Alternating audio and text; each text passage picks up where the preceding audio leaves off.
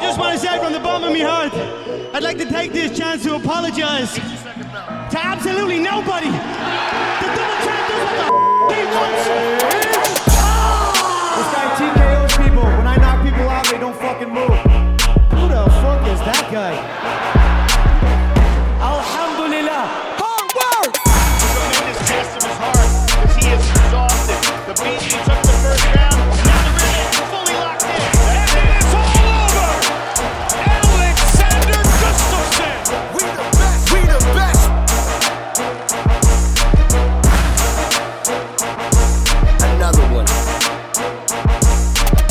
Yo, yo, välkomna tillbaka till Käftsmällspodden, Sveriges största podcast om fighting. Jag heter Asha Tafari och det här avsnittet presenteras i samarbete med X-Gamer. In particular X-Gamers Energy Pouches. Det är lite så här nikotinfria koffeinsnus som man kan trycka upp under läppen så får man lite mer energi. Eh, jag heter Asha Tafari som sagt, jag är här med Andres Viracka. Eh, I Malmö har vi även med oss FCR-kommentatorn och Maximus Sports egna Brett Okamoto, Sebastian Wendel Martinez och gäst, Tackar, tackar. gäst i studion är ingen mindre än Jörgen Hamberg, en av de skönaste lirarna i MMA-Sverige. Nu ska vi köra lite MMA-surr. Är det läget Jörgen? Kanon, riktigt bra. Härligt, kul att ha dig här. Eh, Alltid kul att surra med dig och eh, känns som vi har flera nice grejer vi kan hoppa in på här idag. Ja. Eh, eh, FCR Fight Week är det ju. 25 februari så är FCR tillbaka här i Stockholm. Eh, på en annan plats den här gången. Ja.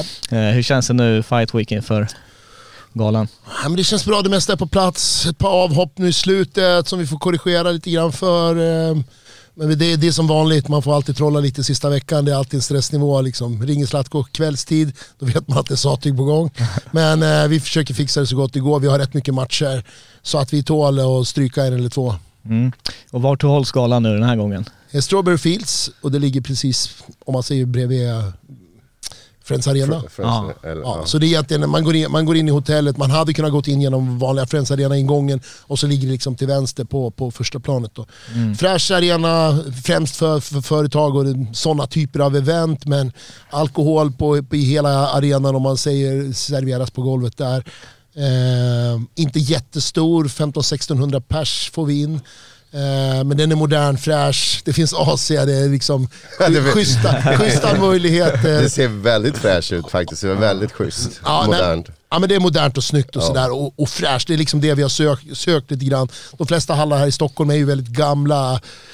De har, de har varit med om mycket men, men det är svårt att göra det riktigt schysst där för det, det är slitet. Ja, men det, var ju, sagt. det var ju väldigt lökigt i, i Solnahallen, bokstavligt talat. Menar du att det har varit varmt eller? Ja, det, Det var vidrigt, det var fru- fruktansvärt. så att, eh, men nu har ni hittat en fräschare liksom... eh, Inramning, ja. absolut. Jag menar, och det, är, det är den typen av event vi vill sätta. Som är liksom, Mm. nej, det ska inte vara, vara lökigt som du säger, det, det känns skit. Nej men för ni, är ju van- liksom, det, ni har ju kört i, i, i Västerås innan, ni är på samma ställe och då har det ju blivit eh, jävligt schysst där liksom. Och, Ja, den, är, den är väl en att- jobbad, den är schysst arena, den är fräsch, det finns allt.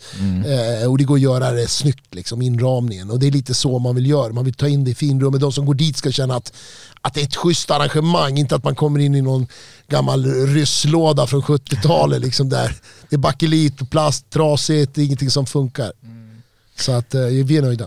Ja, ja, och vad heter det, matchkortet, hur, hur känner du nu liksom bara spontant? Vi kan hoppa in lite mer detalj senare i podden. Ah, det, är, det är tokbra, alltså, det Ja. är svinbra. Jag skulle vilja säga att det är superbra. Det finns många, många matcher som jag ser fram emot och som vanligt så matchar vi inte vi matchar inte snällt, vi, vi lägger inte dem såna, några, några så läggmatcher utan det kommer all, vem som helst kan vinna i alla matcher.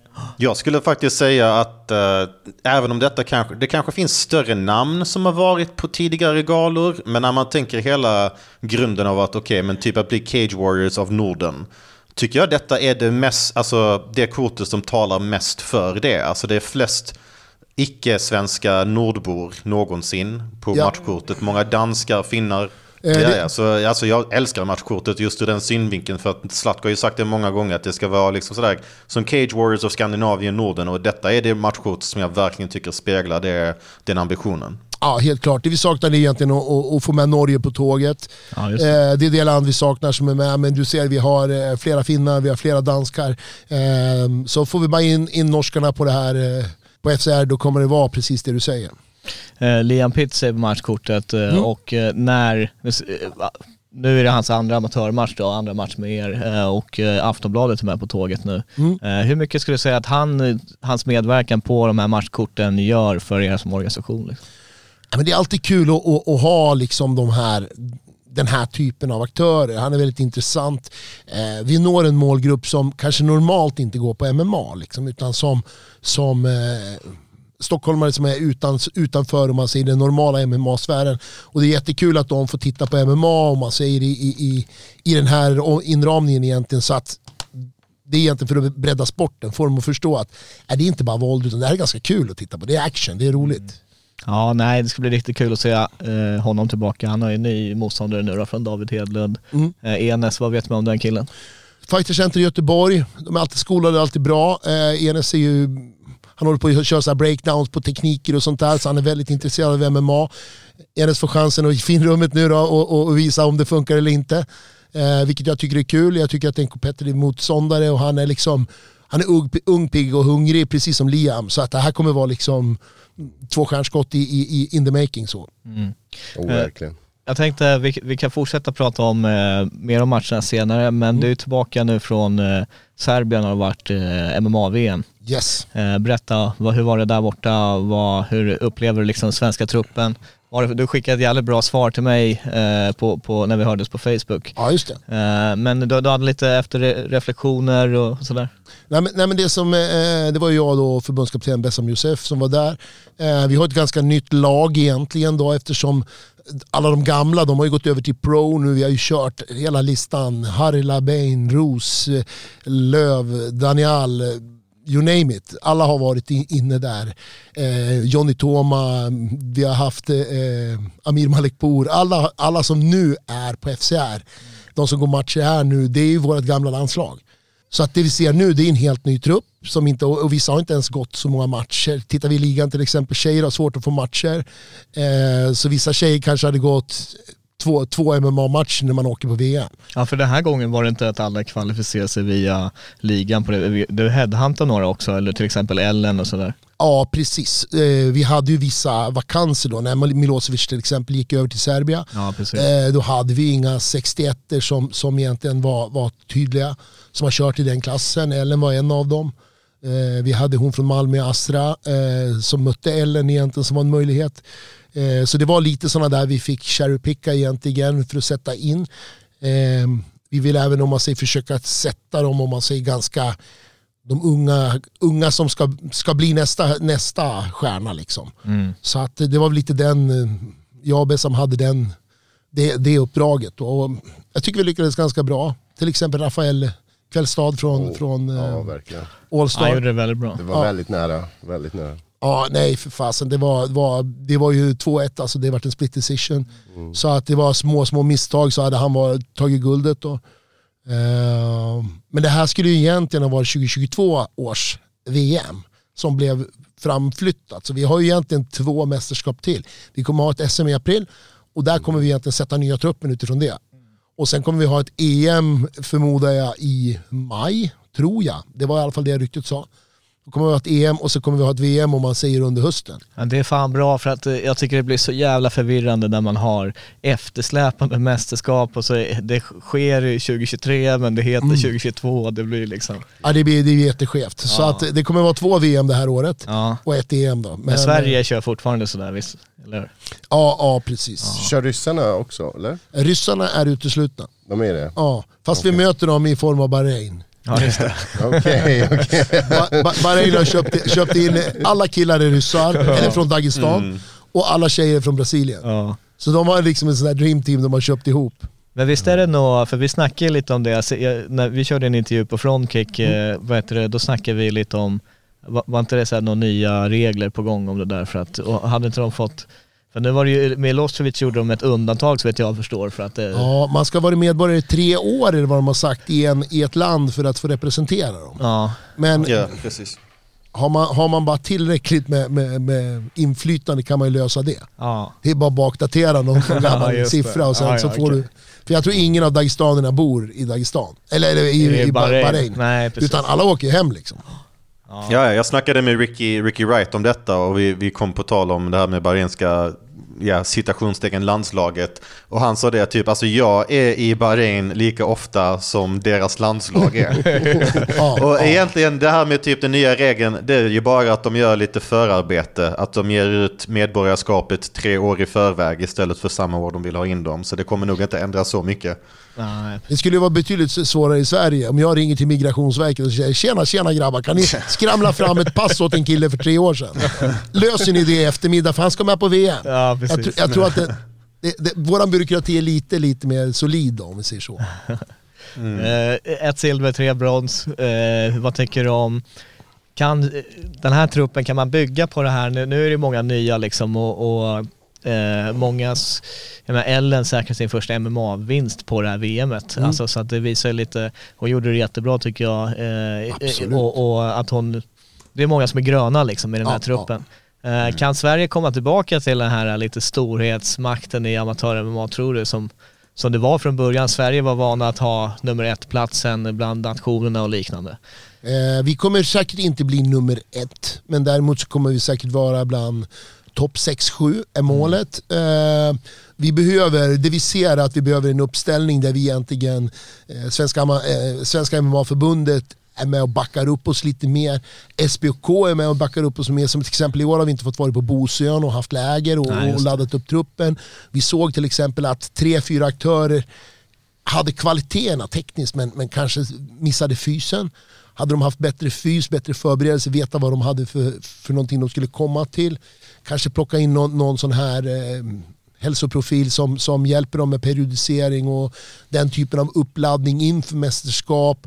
Om vi kan koppla en sån till landslagstruppen eh, och sådär. Så vi behöver stärka upp eh, vårt engagemang i Sverige. Som det ser ut nu så är det lite Ja, det, är lite, det är lite korridorer emellan och det funkar inte riktigt eh, så. Då. Vi har inte haft den uppbackningen som vi, vi skulle behöva för att gå, komma tillbaka dit. Mm. Eh, vad, vad, nu, nu ligger ju MMA-förbundet under Bud och kampsport samlingsförbund. Finns det någon eh, poäng med att göra MMA i framtiden till ett eget förbund som karaten gick ur Bud och kampsport, fick in den också Andreas. Ja, som vanligt. De, och där, så vitt som jag nu, jag kollar lite där, då har de liksom Eh, verkar ha mer resurser för till exempel landslag och sådana här saker. Men då står de ju direkt under RF på ett annat sätt. Ja, nej, men de, då har man ju en val, ett, ett, kanske lite friare tyglar att, Mm. att, att, eh, att satsa eller styra. Man har styrmedel. Men nu tror inte jag att det kanske, vi kanske hade behövt ett stö, större engagemang från SMAF Mm. eh, i den här typen av frågor. För det här är ändå i förlängningen det, det SMAF gör. Vårt landslag är det som visar hur svensk MMA går, hur svensk MMA utvecklas. Så att börjar vi tappa där, då tappar vi anseende i världen, vi tappar anseende liksom som MMA-nation. Och, och, eh, jag tror vi behöver ta, till, ta tillbaka det eh, på ett annat sätt. Men då behöver vi ha, vi behöver, vi, vi behöver jobba som ett team här. Du var ju inblandad i styrelsen innan som eh, vice ordförande en, period. Eh, vad, hur tänker du liksom nu att, eller vad, hur tycker du förbundsverksamheten fungerar från, från eh, di- din roll nu är egentligen att du är landslagscoach, right? Ja. ja. Eh, hur tycker du där att det liksom, Nej, men jag för tycker så det här, scramblas det lite efter typ rätt person att eh, vara ordförande och sådana här saker, att det verkar lite svårt att få engagemanget från när det sker på ideell basis. Många sådana saker. Ja, jag, jag tror det är så här att, att det är ju ett ideellt uppdrag som man gör utan att få betalt för det. Eh, man behöver ha sju starka personer som jobbar fokuserat med MMA-förbundets frågor. Eh, och det är väl där jag tror, jag tror att det finns, som det ser ut idag, så tror jag det är ett par stycken som jobbar hårt och fem glider med, liksom, som, de är med på möten, de är med sådär, men de kanske inte jobbar fullt för. Vi kanske skulle haft en, en eh, en, en, en landslagsansvarig där inne som Ja. tar dialogen med, med SBOK, som tar dialogen med, med till exempel Bosön, ser till att vi har möjligheterna, jagar sponsorer, ser till att vi har kanske backup av, av, av fyscoacher, liksom som hela tiden, vad behöver ni, vad vill ni ha, vi skapar möjligheterna. Där känner jag väl kanske inte att, där är vi inte riktigt. Men Nej. jag skulle säga att den har inte funkat klockrent någonsin i, i landslaget, men det har, varit, det har nog varit bättre. Jag har varit lite kritisk mot eh, Babak innan och sådär men eh, det kändes lite också nästan som att så här, förbundsverksamheten stannade upp lite, eller man kunde inte, det var, transparensen fanns inte där längre. De lägger ut protokoll från mötena, det var typ så här två på ett halvår. Eh, man ser mycket frånvaro från, du vet så här, jag vet inte, det, det verkar som att det saknas liksom engagemang på något sätt, håller du med?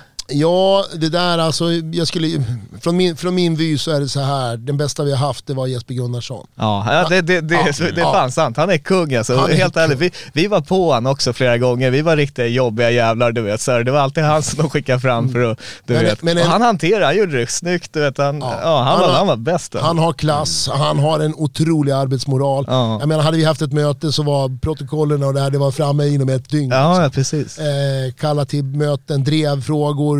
Han kunde totalt alla regler i huvudet. Ja.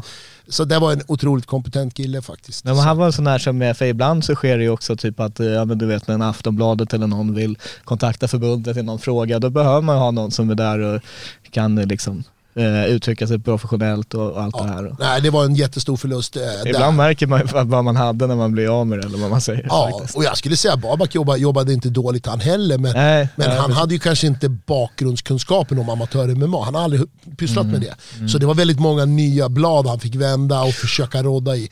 Det fanns en, en, en vad ska man säga, en, en, en, de var inte helt sams inom förbundet det Nej. året så det var väldigt mycket trätor och, och, och stök. Vilket gör att man kanske inte blir så produktiv eftersom alla inte drar åt samma håll. Så han jobbade mycket med, med teambuildingen för att få ihop sitt gäng. Då. Nej precis, Eh, nej, jag håller med. Han, han gjorde, det- gjorde det bra. Det, det, det kändes som att det var ordning och reda på bitarna. Nu börjar det komma sig kapp lite liksom för att vi vill ju tycker det är bra när man kan läsa protokollen och ha liksom insyn i, i förbundsverksamheten. Ja men det är ju jätteviktigt liksom. Det är ju så. Ehm, att, att om inte det fungerar då kommer vi snart inte ha någon svensk MMA. Nej. Jag menar vi har ändå en sanktion från Länsstyrelsen om, om, om hur vi måste sköta oss, hur vi måste leverera. Ja, Om den, om den flyttar ut då blir det inte bra. nej nej precis. Ehm, ja, vad tänkte du om eh, Nicolia? Nu körde hon för eh, Serbien men... eh, Psykare. ja, det är så tjurig här alltså. Nej men, nej men det är väl sådär, jag menar jag har ju sett på nära, nära håll hur hon har haft det där då. Ja. Jag menar hon blev stjärna, hon har varit på massa stora tidningar och hit och dit men Ja. samtidigt så har hon haft ett förbund som jag tror har det, det svenska förbundet är rena stjärnan jämfört med dem. Det är Hawaii, det är politiska förvecklingar, det är luften och det, det ljugs och det luras och det är en korruption som jag tror hon inte är van. Eh, Så jag tror att hon har nog väldigt blandade känslor om hur upplevelsen var. Men hon levererade ju, hon körde ju på, hon är som tåget. Så jag menar för henne var det bara att gå in och, göra det hon brukar göra. Men allting runt omkring tror jag att hon har säkert har lite att säga om. Hon är- känns ju spontant, alltså, jag ser på henne som en av de bättre talangerna vi har sett Oh ja. i IMAF. Mm, oh ja. vad, tycker du liksom? Hon Ja. är dubbla VM-guld, hon har vunnit allt som går att vinna egentligen. Exakt, och det jag, det, det jag skulle vilja passa på nu då med FCR-hatten, det är ju så här. In, in och kör pro va? Ni- ja, Ni- Nina Milosevic mot, Ja. mot Mille Eriksson Pro. Ja, de har Oh, ja, precis. köra en Kom rematch igen, där. kom igen. Den, matchen vill vi se Ring, faktiskt. ring, ring mig sätter jag den. Ja, nej det, det, det, ty- det tycker jag För jag verkligen. tror jag nämnde, de körde väl på Excellence sist. De körde på Excellence och Ja. Ni- Nina förlorade den. Hon var inte riktigt i form, hon mådde inte Nej. bra sådär. Eh, Split och- decision var Ja, det. ja och, och, och eh, Eriksson fick den. Ja. Så jag menar, jag menar Nina vill säkert ta tabbe på, på henne och, och komma tillbaks och, och Millie är liksom, eh, hon är väl också där. Kanske har någon, någon amatörmatch kvar men sen vill ju hon gå pro. Mm. Men när ni är redo tjejer så är det bara, ni vet var jag finns. Oh, ja, precis. Juni va? Juni, 3 juni är nästa väl? Ja, vi kan bjuda, det är sommardans. Det Ja. låter väl här, härligt. Men, men eh, slutligen bara om landslaget, alltså VM nu, nu hur, vad tyckte du om, det var Serbien första gången, eh, det brukar ju vara i Bahrain hela tiden. Ja. Och, och, alltså att, eh, ja, det såg ganska fett ut när man kollade på streamen. Arenan var helt galen, Ja. eh, setupen var galen, det var liksom fem burar, det var sådär. Problemet var bara att vi trodde det skulle gå jättefort man har fem burar. Men eh, strukturen och, och byråkratin och det här, det funkade inte. De är inte, Nej. de är inte där liksom. Så första dagen tror jag, normalt brukar vi köra till fyra på eftermiddagen. Jag tror det gick till åtta. Ja jävlar. Och det var pauser och det var massa distractions som inte var bra. Så från spelarhåll och från, från eh, min och Bassams sida så var det inte bra. Eh, Hur var det nog för fightersarna? För att dag ett var ju ett helvete. Det skulle ju ha börjat klockan 11 och sen så sattes det inte igång förrän halv ett. För jag som kommenterar är det jobbigt. Jag tänker fighters som värmer upp. som håller på att bli varma och sen okej, blir kalla igen och sen så värmer upp igen och sen så kanske, alltså hur var det för, för landslaget där bakom scenerna? Äh, det var precis som du sa, alla var där 11, de började värma på med grejerna, började värma. När, klock, när klockan var halv ett och ettan inte ens hade kommit igång, då började man bli sliten. Så jag tror den, den, eh, den maxade, det var Aria från Göteborg, jag tror han värmde upp i sex timmar. Ja jävlar alltså. Så att, du vet, det, var ett, det var som ett maratonlopp liksom. Eh, så att nej, det var inte optimalt. Det är bra om de håller tider, om det är någorlunda. Och nu hade vi Smooth Comp som egentligen sa på minuten när din, din tur skulle vara, om man öppnade rätt. Och om matcherna gick full tid. Då. Så kan det variera lite, men här var det ju så här, om det stod 12.48 och du börjar 15.48. Alltså det är inte, det är inte, det är inte optimalt. Nej, det var inte helt lätt att följa med när vi som skrev matcherna heller. Så. Nej, jag- den, delen, den delen har med en stor utveckling. Och sen vi som har varit med, jag har varit med sedan 2015 i landslaget. Eh, att man inte utvecklas på 8-9 år och du vet, får allt att flyta väldigt bra efter så lång tid. Utan att vi ser samma typ av utmaningar. Jag, jag, jag tycker det är, det är graverande, det är inte bra. Nej. Eh, Tobbe, en av din, eh, eller din eh, liksom prospect, Mm. eh, stigande stjärnan, tillbaka i Cage Warriors Yes, eh, i april. ja. Då åker ni till Irland där och möter en obesegrad irländare 16 Yes. Eh, ja, vad, vad tänker du om den matchen? Ja, det är helt fantastiskt. Vi älskar att vara underdogs, det är ju skitmysigt. En stor arena, stor hall. Ja. Så att är det tre arenor de kör eller? Ja, precis. Jag tror de har 9000 pers. Just det. Och irländare älskar MMA, så det kommer vara 9000 irländare som, som inte vill att svenskar ska vinna. Så det, det är precis som det ska vara. Kan du Det är- tänka dig den walken, den där... eh, Ja, walk in när, när, när clownen kliver in, det kommer att bli fantastiskt. Eh, fan, det var ju, du måste ju ha startat året med liksom bästa möjliga vibe när eh, han vann där jävligt snyggt på nyårsafton. Liksom, Absolut. Så, ja. Ja, det, var, det var en fantastisk, det var en skön match. Och dessutom är det ju så att Damon Wilson som, som han mötte då, det är ju en, en av, av Grahams killar. ja, precis. Han bor i San Diego, det är en av hans killar, hans management. Han tog nollan från han. Ja, ja, och han, han hade säkert tänkt så här, om kom, Tobbe kommer från en förlust så kommer han att vara en bra skalp för sin kille. Liksom. Och han har sagt att helst hade han velat gått om the golden strap så han fick bältet direkt men han kunde ta Tobbe emellan sen skulle han gå på Paul Hughes då. Jaha, okej. Så han fick, ju, han fick ju smaka hyfsat karamell där. Ja.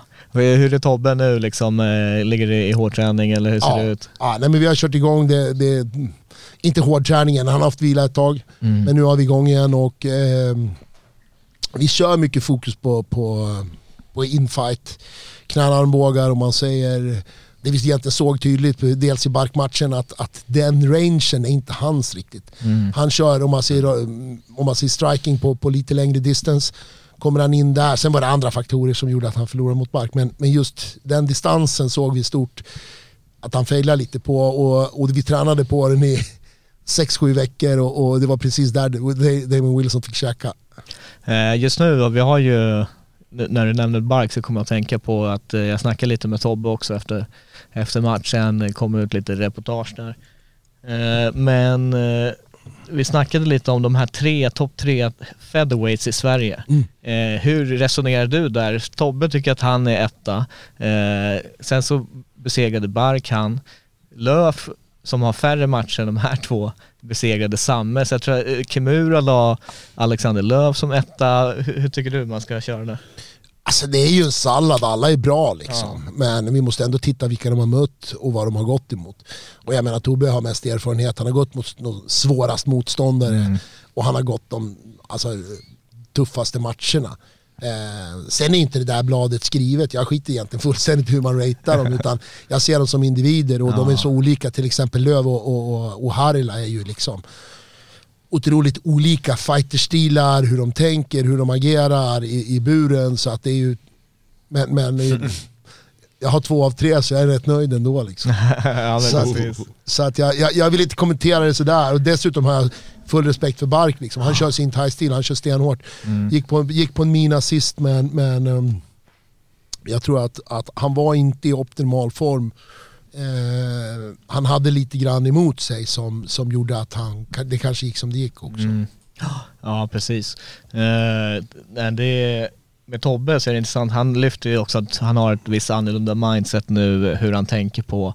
Eh, så att ha- han är, det känns intressant för att han är ju ingen fighter som får hybris direkt utan går det fel på han, för han i en match då känns det som att han är där och analyserar min, minsta lilla bit liksom och det antar jag att ni gör tillsammans då också. Ja. Eh, så att, eh, vad fan var det jag skulle säga? Eh, Tobbe. Gud, Ni som körde Asha drinkspelet, han kom av sig, ta en shot. Ja Precis. Vi sitter och drinkar här med Loka och, och går loss stenhårt. Han, Oh ja, oh ja. han börjar bli stökig här. Så är det när man snor micken. Men grejen är, jag, jag kan inte komma på någon i Sverige som tar en förlust bättre än Tobbe Nej. faktiskt. Alltså han är den, alltså vanligtvis, eller inte vanligtvis, men vissa, de, det kan bli lite känsligt, det kan bli lite sådär typ fan man vill inte åt sig för mycket, men det känns som att Tobbe är den första att säga ah, jag gjorde detta fel, jag gjorde detta fel, liksom man behöver inte sticka under stolen. liksom. Ja, man behöver inte sticka under stolen med någonting överhuvudtaget och det är väldigt uppfriskande att se faktiskt. Ja, Även, även den här uh, mot fransmannen.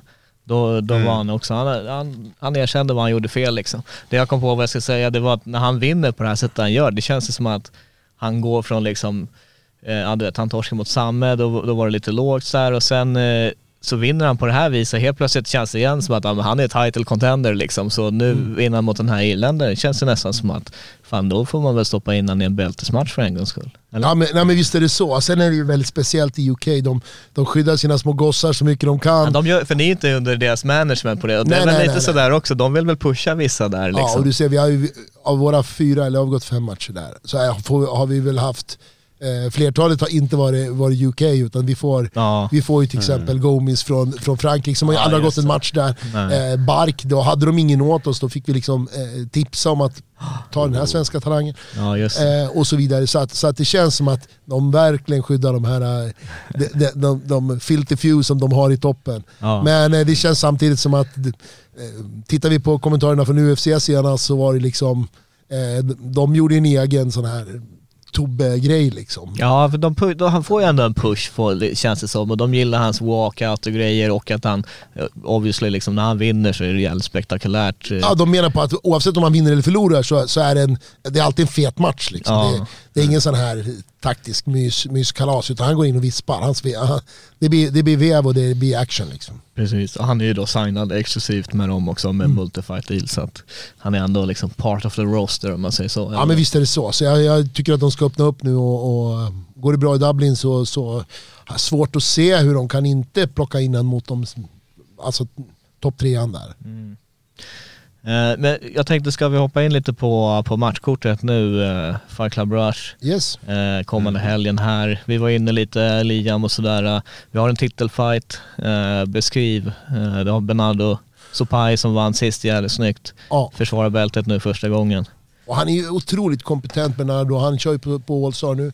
Eh, och han är ju han är en sån där kille som är, han har väldigt bra record, han är, han är väldigt bra. Men, men han behöver den där sista pushen för att komma upp i den stora ligan. Liksom. Och hans mål är ju att komma till UFC. Eh, nu har vi hittat en kille i, i Frankrike, en slugger som, som kommer in för att slåss. Eh, hyfsat stående. Eh, jag är inte lika nöjd med hans, hans mark, men Sopai är inte heller någon liksom, markspelare. Det här kommer att bli en stående, ett stående krig. Eh, och den här, den här Boykan som han kallar sig, han, är liksom, han, han slåss. Han är ganska kraftfull, ganska stor. Så det kan bli en jäkligt eh, rolig match ändå. Det, det är vad vi ser fram emot. Men jag, jag har samtidigt svårt. eh, Det går, det, det går inte att hitta... Problemet när man har så många matcher som, som Sopai har, det är ju att det finns inga som inte är i en stor organisation. Som är tillräckligt bra. Vill man ha någon, vill man ha någon som är 8-9-1, ja, då är de redan tagna. Precis. De, är, de har kontrakt med någon. Så att där, där, där når man ett, ett problem. Liksom. Ja, för jag tänkte fråga lite om det, om man ska, vara så här, om man ska ha på sig kritiska glasögon här. Nu hade ni någon ukrainare tror jag var till Supai som hade rätt schysst record och så här. Eh, och sen så försvann han, det var innan ni annonserade här, jag vet inte vad anledningen var där. Men eh, du vet, jag var ju på Zlatko jävligt tidigt att fan in med lite bälten, du vet, det ska, lite guld ska lyftas och sådär. Och han var alltid, ja men bältet det måste betyda någonting liksom.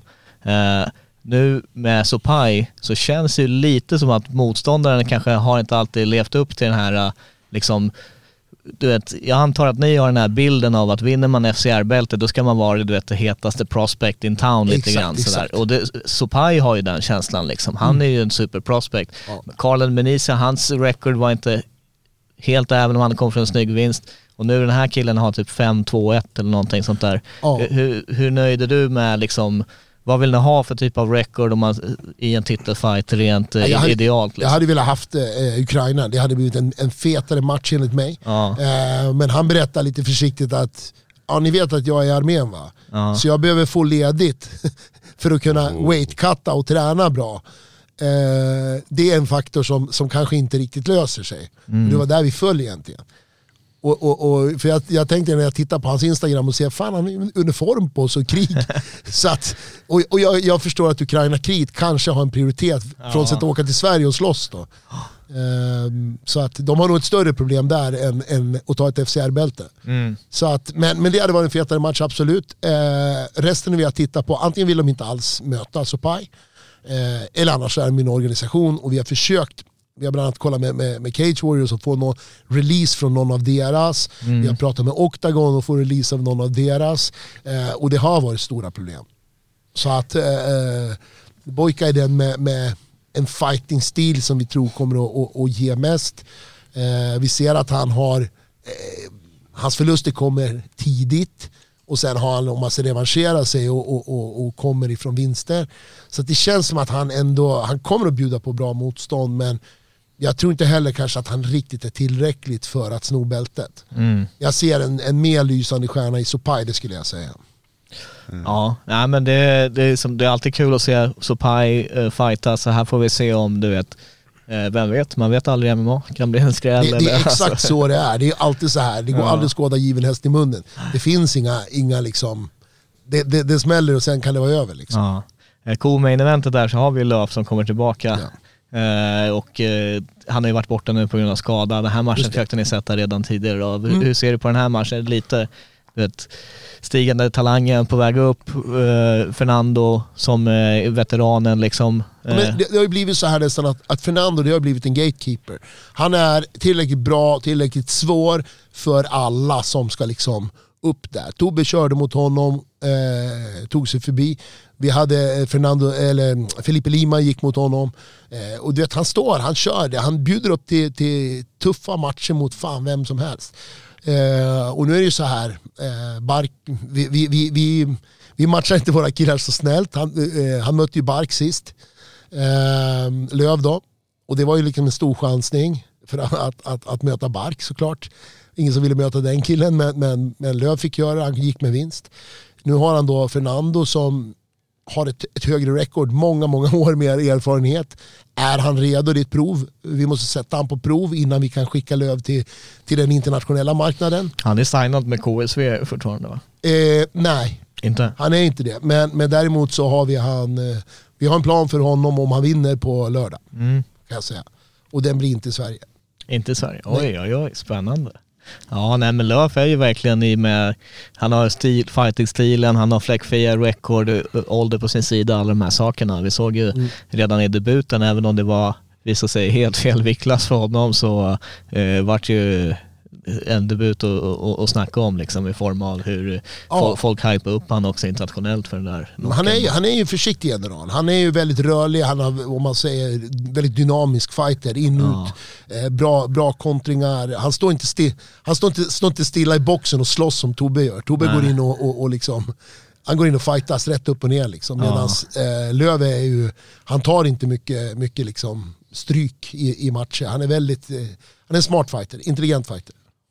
Det som gör denna matchen ganska intressant också det är att liksom, visst man kan ju kolla på, på Fernandos record som inte är lika sexigt som, som Löfs record. Men om vi kollar Löfs två första matcher, Amir Malikpour och Hamid Sadid.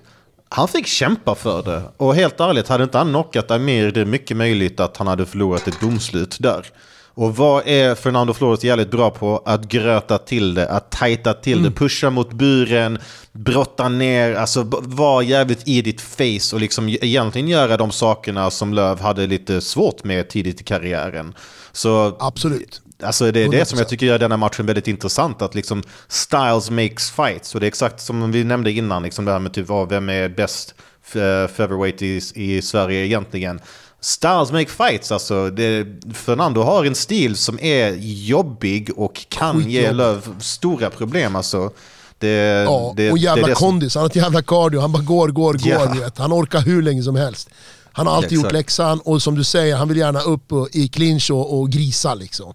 Och där är han skitstark, så att eh, hamnar vi där så det kan gå precis hur som helst. Löv vill vi säkert stå och trada och, och inte alls vara där. Så att eh, om, om Fernando lyckas med sin gameplan så, så har vi problem. Plus att Fernando går inte att räkna ut, han är alltid liksom, han är game på, på, på alla. Han har hela, hela verktygslådan om vi säger så. Precis där, jag är den som inte räknar ut Fernando i och med att jag är väldigt partisk när det gäller det. eh, landsman. Och eh, vad innebär det för Fernando om han vinner den här matchen? Vad finns det för plan för honom? Fernando, han, han, han kan få göra precis vad han vill egentligen. Han kan egentligen välja motståndare. Han kan om man säger få... få eh, vi, har, vi, har, vi, har ju ännu, vi har ju inte om man säger 66 kilos bältet Nej, det är det jag vill komma till. Så att eh, vinner han matchen så kan det absolut vara aktuellt för han att gå om bältet. Ja, för han känns ju som en, eh, alltså han är ju där i, i bland de bästa i Sverige.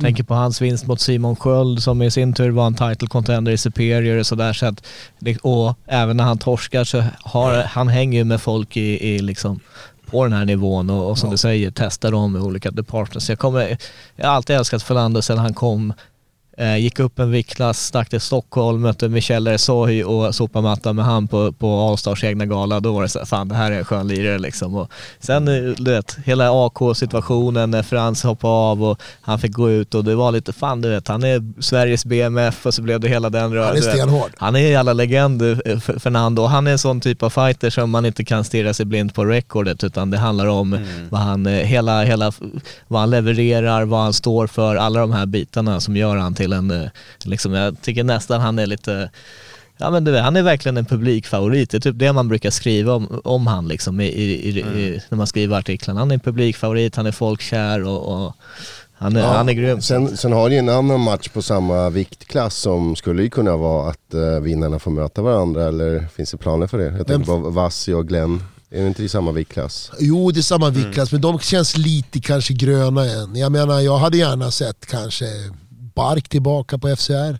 Jag hade gärna sett någon sån där som är kanske lite, lite högre. Vassi är ju 3-2.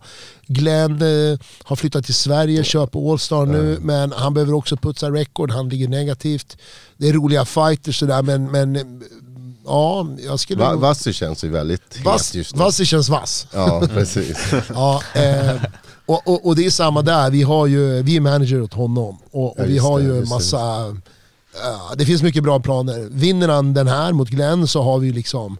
Du skulle kunna sätta han för, som en bältesmatch, absolut. Mm. Men vi har även internationellt har han lite uppmärksamhet så att det finns internationella organisationer som vill ha Vassi också. Mm.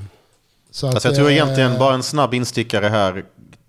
Är- Kan vi kanske enas om att Fernando Flores kanske pound for pound mest omtyckt i Sverige? Ja lätt, det tror jag, 100%. det tror Alltså, jag har, stämmer. har ni någon 100%. hört någon i alltså fighter, media, promoter, någon säga ett dåligt ord om Fernando Flores? Nej, men han är en fantastisk kille, han är OG, han är, han är liksom... Han är en- stenhård, Han har alltså. varit med länge och han är så fantastiskt ödmjuk och Där, fin där kille. måste man säga, det är väl samma sak med Alexander Löv. Alltså det är också en Ja, fantastisk kille. faktiskt. Alltså det, det är två schyssta, snälla killar Släng in lite sånt, så att. NF, vad säger man? Nicest motherfucker. Ja, precis. De här två, de här två är, är goda killar. Alltså. Nej, men visst är det så. Faktiskt. De är humble, de är väldigt ödmjuka, precis. trevliga, respekterar, alltså Ja. ger Ja, de har respekt. ver- verkligen visat respekt till varandra.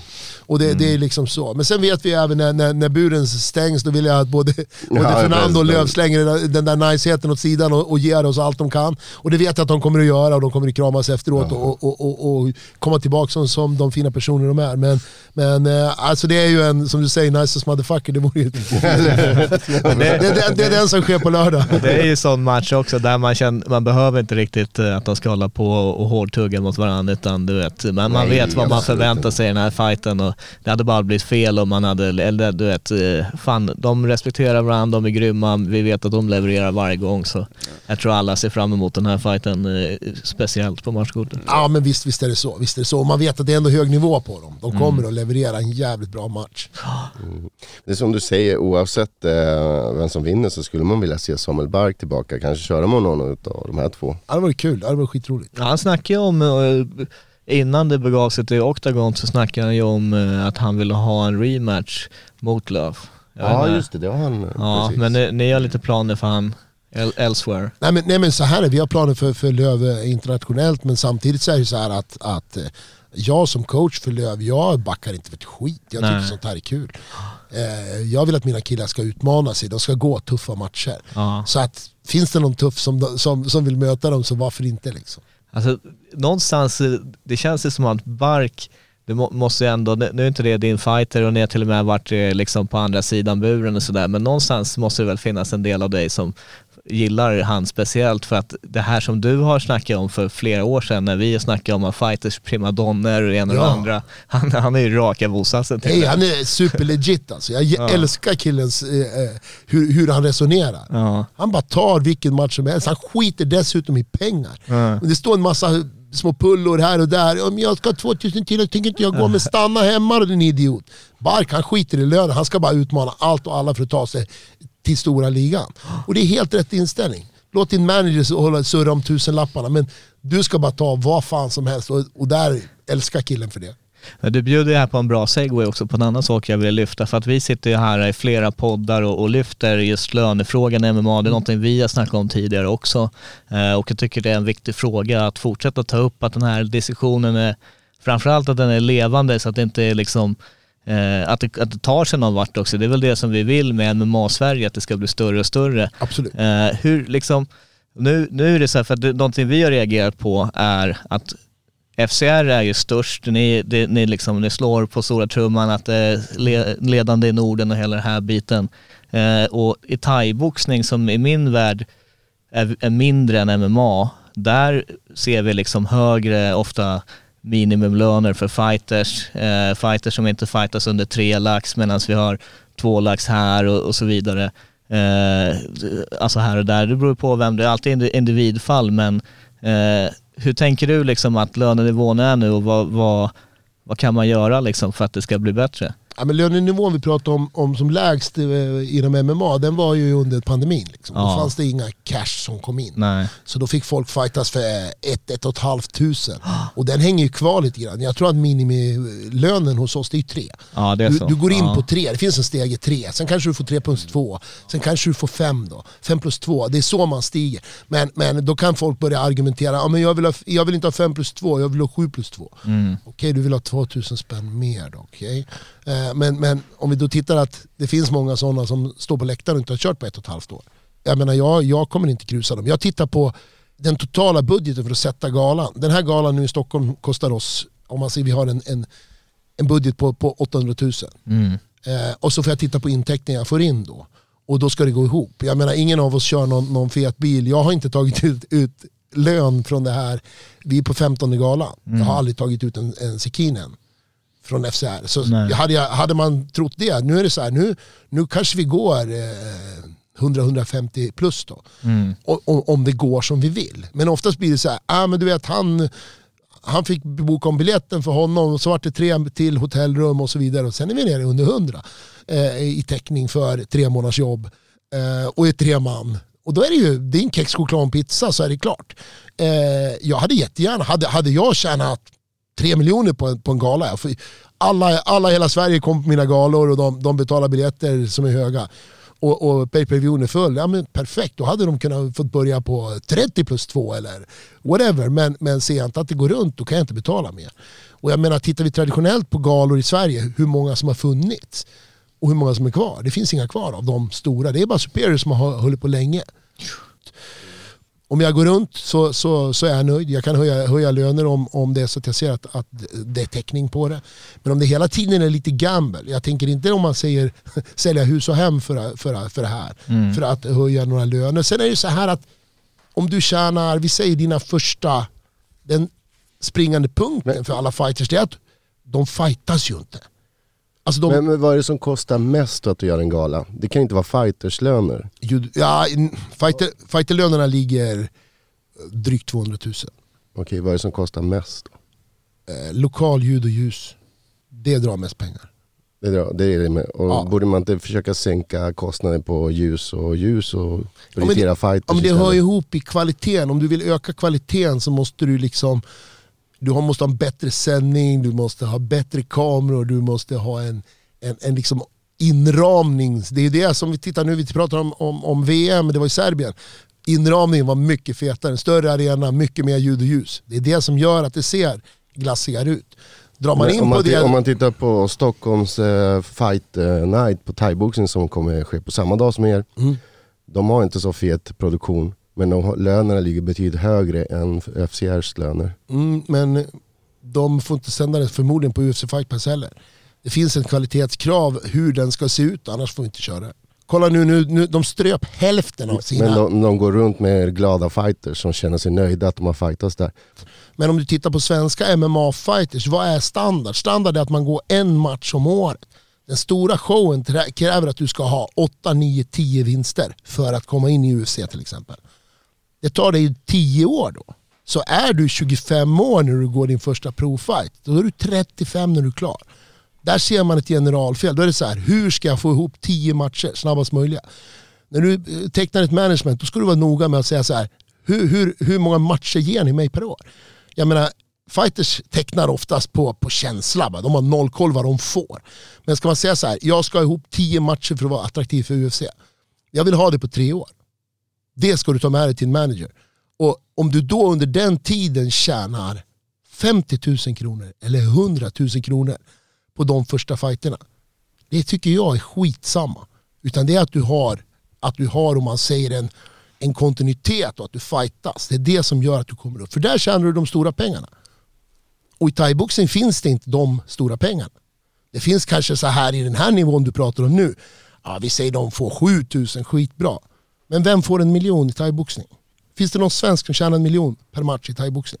Eh, Svensk som tjänar en miljon, jag kan tänka mig att det är väl Smilla, hon tjänar väl inte en miljon men... eh, Ja, Hon är inte Nej, när- hon är- hon är inte i närheten av Shamsats löner Nej. till exempel. Så Nej, det känns, känns det inte väldigt långsiktigt att tänka så här om UFC när man, ligger, men när man fightas här i Sverige. Alltså det, vägen är väldigt lång. Så varför ska man måla upp UFC som målbild när man vill ha pengarna här nu? Alltså, man, jag men vi, har, vi har ju många fighters som inte klarar av att betala hyran. De går fight camp, de, de lägger in massa pengar för fight campen. Och det är här och nu. Och de måste betala hyran den 25.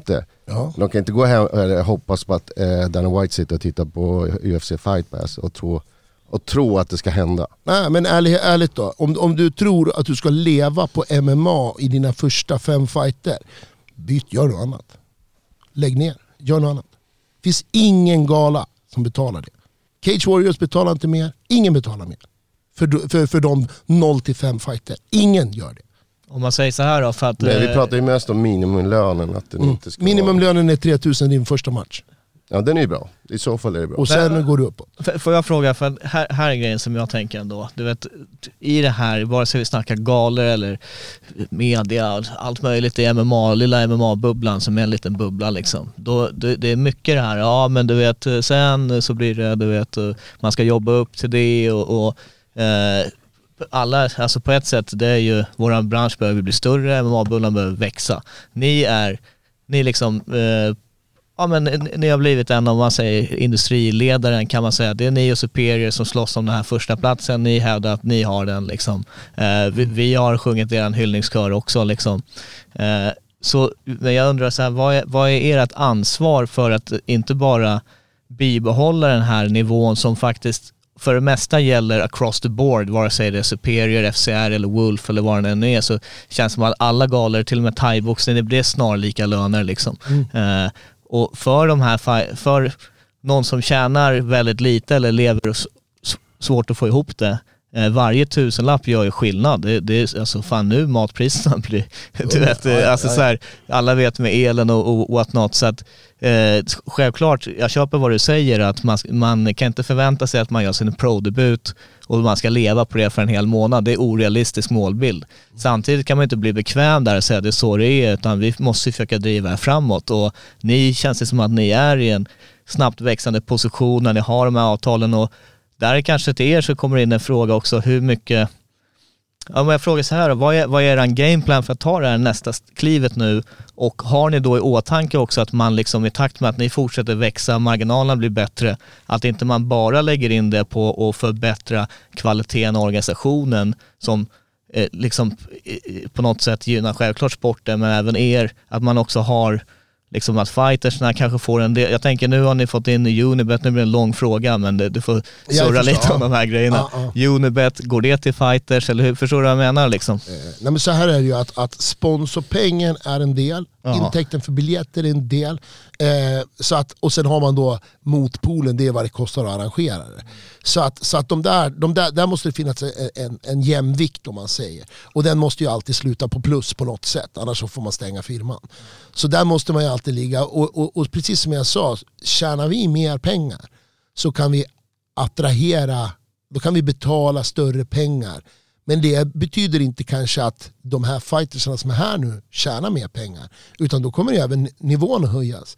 Att, att om, vad ska man säga, om galans rykte, eh, eller, eller vad man ska kalla det för, för eh, höjs liksom. Då kanske vi kan betala de här killarna som har ett litet högre, det är den vanliga när en gala växer, att då kan man ha folk med högre rekord på den. Man kan ha ett mer relevant, mer kunniga fighters. Och då kanske de här killarna från 0 till 5 fighter, då får de kanske köra någon annanstans. Eh, så det är ju det är inte så, men, men, men självklart så ska det vara en, en växer vi växer de lite grann, alltså lö, lönemässigt. Men, men det jag säger nu det är ju inte så här att om jag hade en miljon över för en gala, fan då, då hade det varit en dålig balans. Men nu är det ju så här, jag har fan jobbat med det här sedan 2017 kanske hade vi första eller? Mm. Och, Ja, det var det. ja, och lite grann för att jämföra med den här thaiboxningsgalan ni sa. Vi tjänade nästan mest på tror jag tvåan. Ja. Då hade vi hyrt några pelare, byggpelare, vi kastade in våran klubbur på ett gympagolv och körde jävligt enkelt. Och kiosken gick, am- amatörer med ja, kiosken gick, kiosken gick bra, vi hade amatörer med mar rakt av. Och jag tror det vart så här, klubben tjänade 85 000 spänn eller någonting i plus. Och jag menar, minimum effort, rolig gala, men vi var på en helt annan nivå. Eh, och för varje gala vi sätter nu så är det, det ska upp någon le- LED-skärm till, det ska till några jävla lampor hit och dit, 10 000 här, 15 där, bom, bom, bom. Så jag menar, allting kostar mer och mer. Och det, det, det är det där vi brukar falla, det är, det- eller det är där klassiskt svenska galor faller. Man ökar, man vill mer Ja. och sen sviker publiken eller sviker intäkterna. Och så får man en baklängeskaramell på 200-300 000. Men, men och se- eh, det största problemet tror jag för att växa som gala det är ju publiken i Sverige. Ja. Eh, vi har sett att vi kan få... Där behöver det steppas upp. Ja, men vi ser, vi, vi får någonstans, vi har max, max 2000 pers. Ja. Och där är det så här att, hur fan bryter vi det? Hur får vi in mer folk? Liksom? Ja. För MMA, så, och det är väl egentligen samma för er med en podd. Ni sitter med ett x antal MMA-fans. Hur fan når man bredare? Ja men det är ju du vet för oss, eh, alltså det är väl samma som man ser nu på SR, helt plötsligt när ni får in en Liam Pitts, ja då gör det ganska stor skillnad Mm. i vilken målgrupp man kan nå. Så man behöver alltid en viss ingång, en viss vinkel på någonting som gör att folk väljer att klicka på just den videon eller lyssna på just den podden. Ja. Eh, och, och, och så vill man ju liksom försöka dra med sådana, som, som, eh, så många som möjligt Ja, ner, bredda ner i, vår, i ja. vår lilla bubbla liksom, ja, men på något hur? sätt. Och vi har ju samma, samma liksom. roll liksom. Vi jobbar med samma frågor egentligen. Ja. Inno, innovativt, hur kan vi Ja, tänka? det är, alltså det är ju samma som att om vi ska hålla på och göra det här, vi vill ju kunna dundra ut videos och då ska vi pröjsa folk som filmar och redigerar. Alltså det är Mm. allt, det, det är ju Alltså det är ju svårigheten när man driver MMA-business, det är inte det guldgruva direkt. Nej, utan vi nej, försöker nej. skapa någonting från the ground up. Men någonstans så tycker jag bara att det måste finnas i tänket att man också ska dra upp liksom, eh, man ska inte fastna i träsket, man ska dra industrin framåt och vidare och att det ska liksom följa Ja. med på något sätt i, i resan upp liksom. Ja, men det, det, det, är ju, alltså det, det, det tror jag vi är helt med på. Ja. Men det finns inte den möjligheten nu. För jag menar, jag menar eh, Vad behöver till för att det ska finnas? Vad, vad har ni för gameplan? Ni har väl någonstans en gameplan på att ni ska fortsätta växa och erövra liksom? Såklart, vi har en roadmap och där är det ju så här. De två stora det är ju egentligen komma åt mer och större publik och komma åt fler sponsorer som vill stötta våran sport eller våran gala. Ja. Eh, då ökar intäkten och då kan vi liksom då, då blir det här ett, ett, ett ganska angenämt problem att, att hur kan vi liksom taket kanske blir, vi börjar på 5000 eller något sånt. Mm. Men jag menar jag tittar på alla galor runt omkring, Cage i Finland till exempel, det är, det är samma pengar. Det är ju 3 till 10 000 har de om man säger. Jag kollar på Cage Series i, i, i Österrike, de har en maxlön på runt 15 för dem, sin topp. De har också där någonstans 3 Mm. till 15. Och, och, och vi som här mellan, mellangalorna, vi har nästan precis samma löner. Eh, och där lägger jag även, eh, vad heter det, Superior, de har ungefär samma löner som oss. Ja. Och, och, och ehm, jag tror att, att alla måste nog kunna se hur, hur vi kan liksom få, få en större intäkt. Det känns som att det är ett tak där. Men eh, Superior, om man jämför med dem, när de hade då Betsafe eller vad det var, då gick det också till vissa sponsordealer med fighters eh, som låg för det mesta under deras egna management. Har det liksom varit någonting som ni kunnat göra att det skapas möjligheter för vissa utvalda och kanske fighters när ni når en sån här deal med Unibet? Nej, det, alltså vi, vi har satt vissa sponsorer direkt på, på, på, på fighters såklart. Ja. Eh, men när det gäller löner, våra egna säger, fight club-killarna, de får ingen högre lön än, än någon annan. Nej. Alla fight club-killar börjar på 3000 spänn. Ingen, Ja. ingen får liksom, ja men det är klart du får en tia Alex när du börjar för du så Nej men ändå, det blir väl någon form av conflict of interest ändå lite, alltså så här, det är så MMA ser ut, det är samma med Superior, Cage Force, så det är ingen kritik på det sättet men då blir det väl, i och med att i era JDZ-dealar så har väl ni också aspekten att ni vill dra in sponsorer som ni har Såklart. procent på och liknande. Såklart. Och, och där då vad Superior gjorde då var att de såklart valde ju sina killar att stoppa in eh, och det kan man ju, alltså så här, det är inget orimligt tycker jag liksom. Men har, har ni kunnat få till någon sån Ja. deal till, till hela Ja men så, så är det ju absolut om man säger att när det kommer en, en, en, en leverantör till oss och säger de så här, vi vill ha en posterboy eller postergirl. Ja. Vem har du i åtanke? Då, då är det ju självklart att vi plockar någon i vårt management. Ja. Inte att man säger så här, jo jag känner en kille i Malmö, han är jävligt klämmig. Jag menar det hade kunnat hänt men oftast är det så att man, man, man vill om man ska gynna sina fighters. Ja, ja. Tittar vi på vad, vad Alex Löv till exempel, jag tror han jobbar 50% nu, Tobbe lika så. Och jag menar då, Tobbe är 11-3 liksom. Ja. Han sitter inte och drömmer om att leva på det här än. Utan för han är, den gången man kan kalla sig för pro-pro, det är när man kommer in i den stora ligan. Ja. När vi pratar en halv miljon per match, liksom, då, då är det så. Och det får du aldrig i Sverige, det får du aldrig i någon av de här eh, eh, europeiska, europeiska mellanhistorierna heller. Nej, nej det är att- steg för steg. Det är ju liksom. Jag kommer Det är ihåg ett när, stort steg från, från eh, här nu då, om man säger till, till den stora ligan. Ja. Men sen har ni haft någon specialdeal med Nabbe till exempel, där biljettintäkten går, en viss Ja, det- procent går till Ja, han. och, och, och där, då, då blir det ju egentligen ett, ett, en annan grej. Då handlar det ju egentligen om ett entreprenörskap. Att eh, vi ger dig en länk och så får du en procent på det du kan sälja. Och jag menar, där är ju Fighters är ganska roliga. De har ju oftast en hög tanke om sig själv, att de är en riktigt stor säljare. Och vi har gjort det försöket med några andra av kamraterna. Och där blir det alltså pinsamt lite. De lägger ut länken och säger så till sina kamrater, köp av mig. Och så räknar man sen, det är 15 som har köpt. Men där, där har vi återigen exempel på den här Thaigalan som är i samma dag som är, det är slutsålt där. Mm. Och alla fighter fick sälja eh, något liknande system. Ja. Och där, där visar jag att det funkar. Vad hade de? 7-10 biljetter? säljer jag Ja, per- 7-10 biljetter. va? Det är precis som man gör i England. Och, och det är deras första gala och den är slutsålt Mm. två veckor innan. Ja, det. Varför, varför inte göra så, något liknande? Men ni menar då att ni vill, eh, om ni ska göra en sån deal med så, så en nabbe, då han kommer och, och egentligen säger att jag kommer sälja så här många biljetter. Om det, ni, det ni nu föreslår, det är ungefär som det här när barnens fotbollslag, du ska sälja kalsonger. Och som förälder blir man bara less, nu ska jag ta på jobbet, så ska jag sälja 30 Inte kallingar. riktigt men det är många, ja precis, det är några det fighters som, som, som det. säger ha samma kraft som Nabbe. Så har Mm. de inte fått möjligheten att göra samma deal. Eh, nej, det skulle jag säga att det kanske inte riktigt finns så. Alltså jag tror inte att det finns så många som har den där biljettsäljarkraften. Nej, för det här är ju en annan... Har, Där vi, såg vi ju faktiskt att han, de drog ju många av dem när han var klar sist. Ja, för- man, för- man såg ju effekten av liksom pusselbiten. Som, ja, här, här har vi ju om man säger två skilda saker. Det ena är, är, är lön för en professionell fighter. Och den ska vara homogen. Alla ska ha ungefär samma för antal rekord. Där gör vi inga avvikelser, inte på våra eller någonting. Sen om de kommer med den här, jag är en jävla stor säljare av biljetter. Okej, om, vi, om vi köper det och tror på det, då har, har de vi, vi, vi tror kan göra det fått möjligheten. Så att det handlar egentligen bara om, om att sälja in det då och visa det. Och, och, och vi har gjort, gett flera det och flertalet failar ju liksom. Det blir, det blir okej, ska du, vad ska du göra med de här 150 kronorna som du fick extra, alltså din storförsäljning? Så folk har ofta, fighters har oftast en tanke om att de verkligen, jag har så här många följare på Instagram. Eh, och sen visar det sig att de där Instagram-följarna köper inte kungens skit. De köper inte någon, någon PPV-länk eller någonting. Så att Det är klart att de, de kan få den chansen, men då handlar det egentligen om att hjälpa organisationen FCR att sälja biljetter. Och, och den förmågan. Och jag tycker absolut att folk kan få den, få, få den förmågan att göra det. Men, men eh, då ska du ju sälja också. Annars tjänar du inte. Och det är ju inte en lön, det är inte en fighterlön. Utan det är en möjlighet att, att, precis som jag sa, kan vi få fler människor till en gala? Speciellt när vi är i Västerås, vi, har- vi har en kapacitet på 2800, vi har aldrig varit mer än 2000.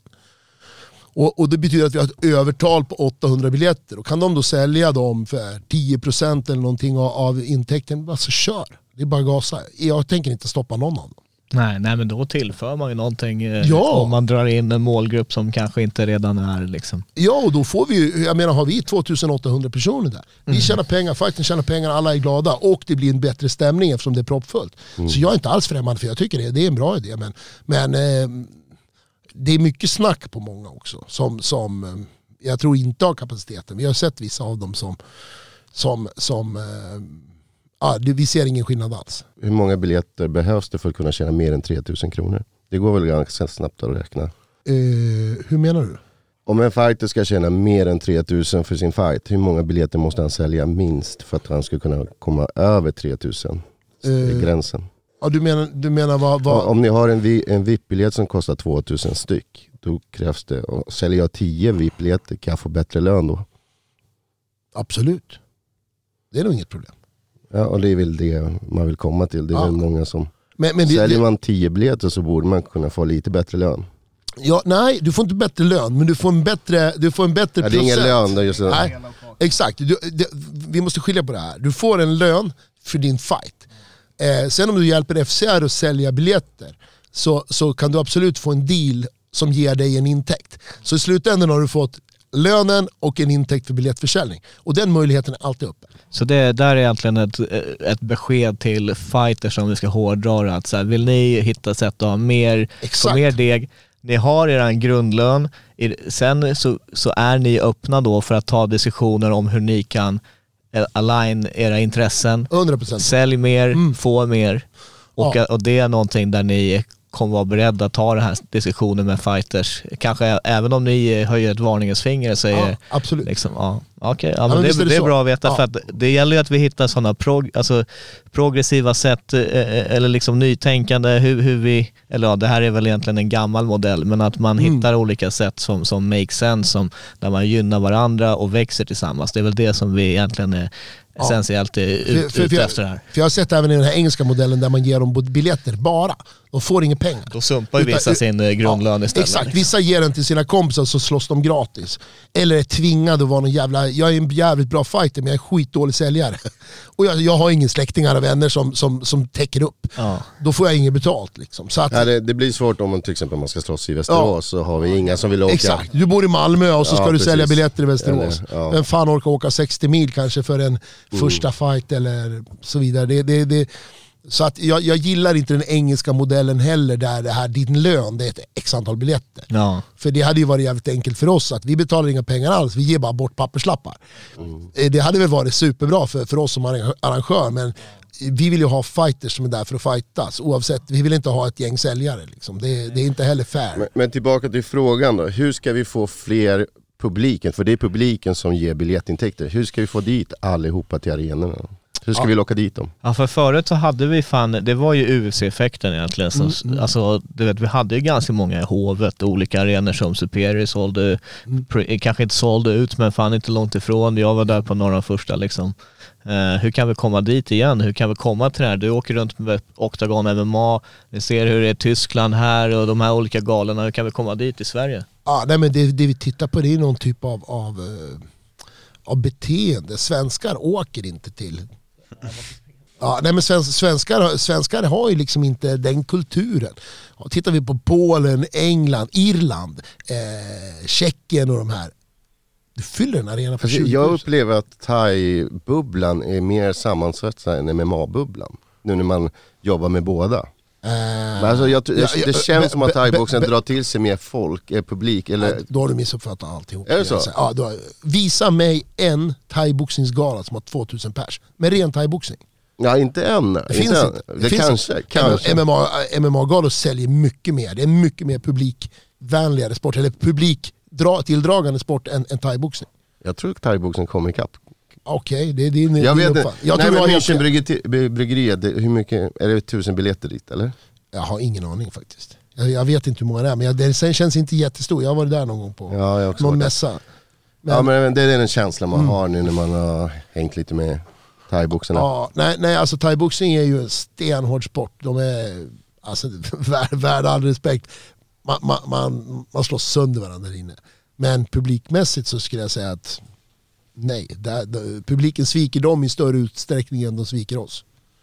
Och jag vet inte varför det är så, om, om det är UFC som har gjort att, att MMA kanske anses det är roligare att gå på. Eller om det är, jag, jag, jag kan inte säga, eller hur mycket avslut det är eller på något sätt för att, för att thaiboxning det känns som en klubb för inbördes beundran. Alla där inne är stenhårda, alla kör men det är thai, thai, thai. Eh, när de har kört, varit med i landslag och så vidare, då brukar de ibland knoppa av och bli MMA-fighters. Men, Ja det, det är, det är flera stycken som... men, men när de är inne i thai-bubblan så är det ju lite fame and fortune. Så det, den bild du målar upp att de tjänar stora pengar och, och arenorna är slutsålda, den har inte jag sett någon gång. Jo den är på väg. Okej, ja. ja, ja, det skulle vara kul för det skulle gynna oss också. Det skulle bli en synergi att, att mer folk intresserade sig för kampsport om man ser generellt. Ja men det växer, det är växande. Men, men jag tror att, att eh, 2000 pers på en, på en svensk eh, thaigala, det, det har vi nog inte sett. än. Kolla den Patrik Thomsson har, han, Ja, det gick inte så bra i Malmö, men det är därför jag påpekar just den i To- Stockholm. För nu var det för jättelänge sedan eh, Stockholm hade en thai-gala. Och den har sålt slut på en gång. Men det är betydligt mindre lokal som vi nämnde. Men Hur många rymmer de där? Ja, ja, inte mer än tusen tror jag. ja, nej, men då har de gjort ett superjobb om de får ihop tusen, tusen pers på en thaigala, för det är, det är ovanligt. Ja men de har ju valt många fighters eh, också som är här i Stockholm och som kan sälja biljetter. Så. Men jag kan säga, okej, för att... Eh, snabb, eller ja, snabb fråga. Men eh, Andreas, du nämnde det här med typ hur gör vi för att se till så att taket kan höjas för alla? Alltså jag tror att det jobbiga med hela den här diskussionen när det gäller kampsport i Sverige är att det finns inte ett enkelt svar. Liksom, jag tror att vi alla vill ha den här liksom, typ tydliga vägen till det. Men jag tror att liksom bara kontinuitet är, är det viktigaste. Och alltså att få en ruljans så att man är van, alltså typ i en ideal värld, typ vi säger okej, FCR har en gala varje månad. Då har man byggt upp stjärnor. Liksom då har man inte, förr i tiden var det typ en Tobias Harrela på väg upp som, åh han är en spännande talang att hålla ögonen på. Har man 10, 12, 15, 20 stycken sådana liksom på väg upp samtidigt. Då tror jag det drar en helt annan effekt. Så liksom alla måste dra sitt lass. Liksom, promoters måste dra sitt lass och liksom typ, ja, dela ut så mycket liksom betalning som möjligt så att fightersarna är nöjda. Fightersarna måste se till att dra med så många av deras eh, supportrar som möjligt. Fansen måste se till att verkligen tuna in och liksom Hey, köp en biljett, köp en stream och istället för att bara kanske kolla någon ful stream någonstans på någon hackig sida som kommer ge dig virus eller ja, bara läsa resultaten dagen efter. Vi i media måste se till att belysa så mycket som möjligt. Liksom, alla drar lite sitt eget lass på något sätt. Och jag tror att när Sakta men säkert, alltså det, det, är det, det är det som är det tråkiga men samtidigt det positiva. Att Det är tråkigt för att det tar tid och mycket arbete. Men det är positivt för att, helt ärligt, alltså kontinuitet från alla inblandade kommer oundvikligen ge resultat. Och sen har du det där med kvalitet. Vi pratade om att kanske ha mindre ljud och ljus och hit och dit. Jag menar inramningen kommer att vara, vara mycket viktigare för de här, inte de här stenhårda entusiasterna som kan sitta i en gympasal bara för att se tekniken. Utan vill man gå på någonting som känns liksom eh, glassigt, snyggt, det är fräscht, det är liksom eh, du vet, man kan, man kan gå dit med, med, med frun och dricka lite bira och se, se på lite, lite kampsport. Då måste det vara lite schysst inramning, lokalerna måste vara lite bättre. Det kan inte vara Som Superiors. Ja, kanske det. Eh, men hur, vad har de, hur blir deras problem då? Nej det var glassigt och fint här. Men antalet människor, hur, Ja, då, det då var, de nej det har varit likvärdigt. Alltså, det, Ja, det är det men det borde lyfta då om du sitter jag gillar på cirkus. Ja. Men ni har ingen VIP-bord och sånt? Nej, Den jag aldrig Han är haft, inte med, han inte och sålt vi har eh, provat, vi har provat några varianter men, men det blir så roddigt att hålla på. Det känns lättare att göra så här. Vi har olika placeringar, platser. Eh, Jag har även varit utomlands på sådana här white collar event där man sitter i sin skjorta och slips och man får en trerätters middag och de där grejerna. Men Det känns som det tar bort lite av... Det är inte av samma tryck. Cage i Nej. Finland har ju det, det men det är bara Ja. några få. Men- ja, de har några bord uppe på hyllan. Ja, precis. Får jag bara lyfta eh, från vad, vad Sebbe säger, att jag tror bara det handlar om också att man kan inte nöja sig med att säga ingen har svaret, utan vi som hävdar att vi är störst, bäst och vackrast, vare sig det är FCR som gala, Käftsmällspodden, Frontkick, Maximum, vi slår på stora trumman som media och säger att det är vi som driver den här skiten framåt. Och eh, om jag och Sebbe satt på MMA-nytt innan och tyckte att fan vi tjänar inga stora slantar och, och vi har ett tak och hit och dit, ja men då eh, drar vi det här framåt och, och, och nu så vill ju vi kunna betala även i, alltså reportrar och liknande, vi vill kunna höja där eh, så att vi som är de som, som ligger i framkant i, i hur industrin och branschen utvecklar sig, vi måste ju ta också det här, vi har ett ansvar på oss att driva skiten framåt och ta med så många vi kan med oss. Det är lite så jag väljer att se på det i alla fall. Ja men så är det ju. Vi, vi städar ju egentligen en sport som har kanske haft lite tveksamt rykte. Det känns som att vi vinner mark. Det, det är mer och mer om man säger folkhemsmänniskor, vanliga människor som kommer till våra event. Eh, samma om man säger eran roll. Eh, ju kvalitativare era poddar är desto mer kan man om man säger nå gråzonen som, som normalt inte är liksom stenhårda så här, eh, eh, ja, stenhårda MMA-fans. Jo, ja. Eh, så att det är väl där, och jag ser ju att det, vi växer, men det går sakta. Man skulle vilja se någon sån här, du vet, pang. Och så vart vi 4000.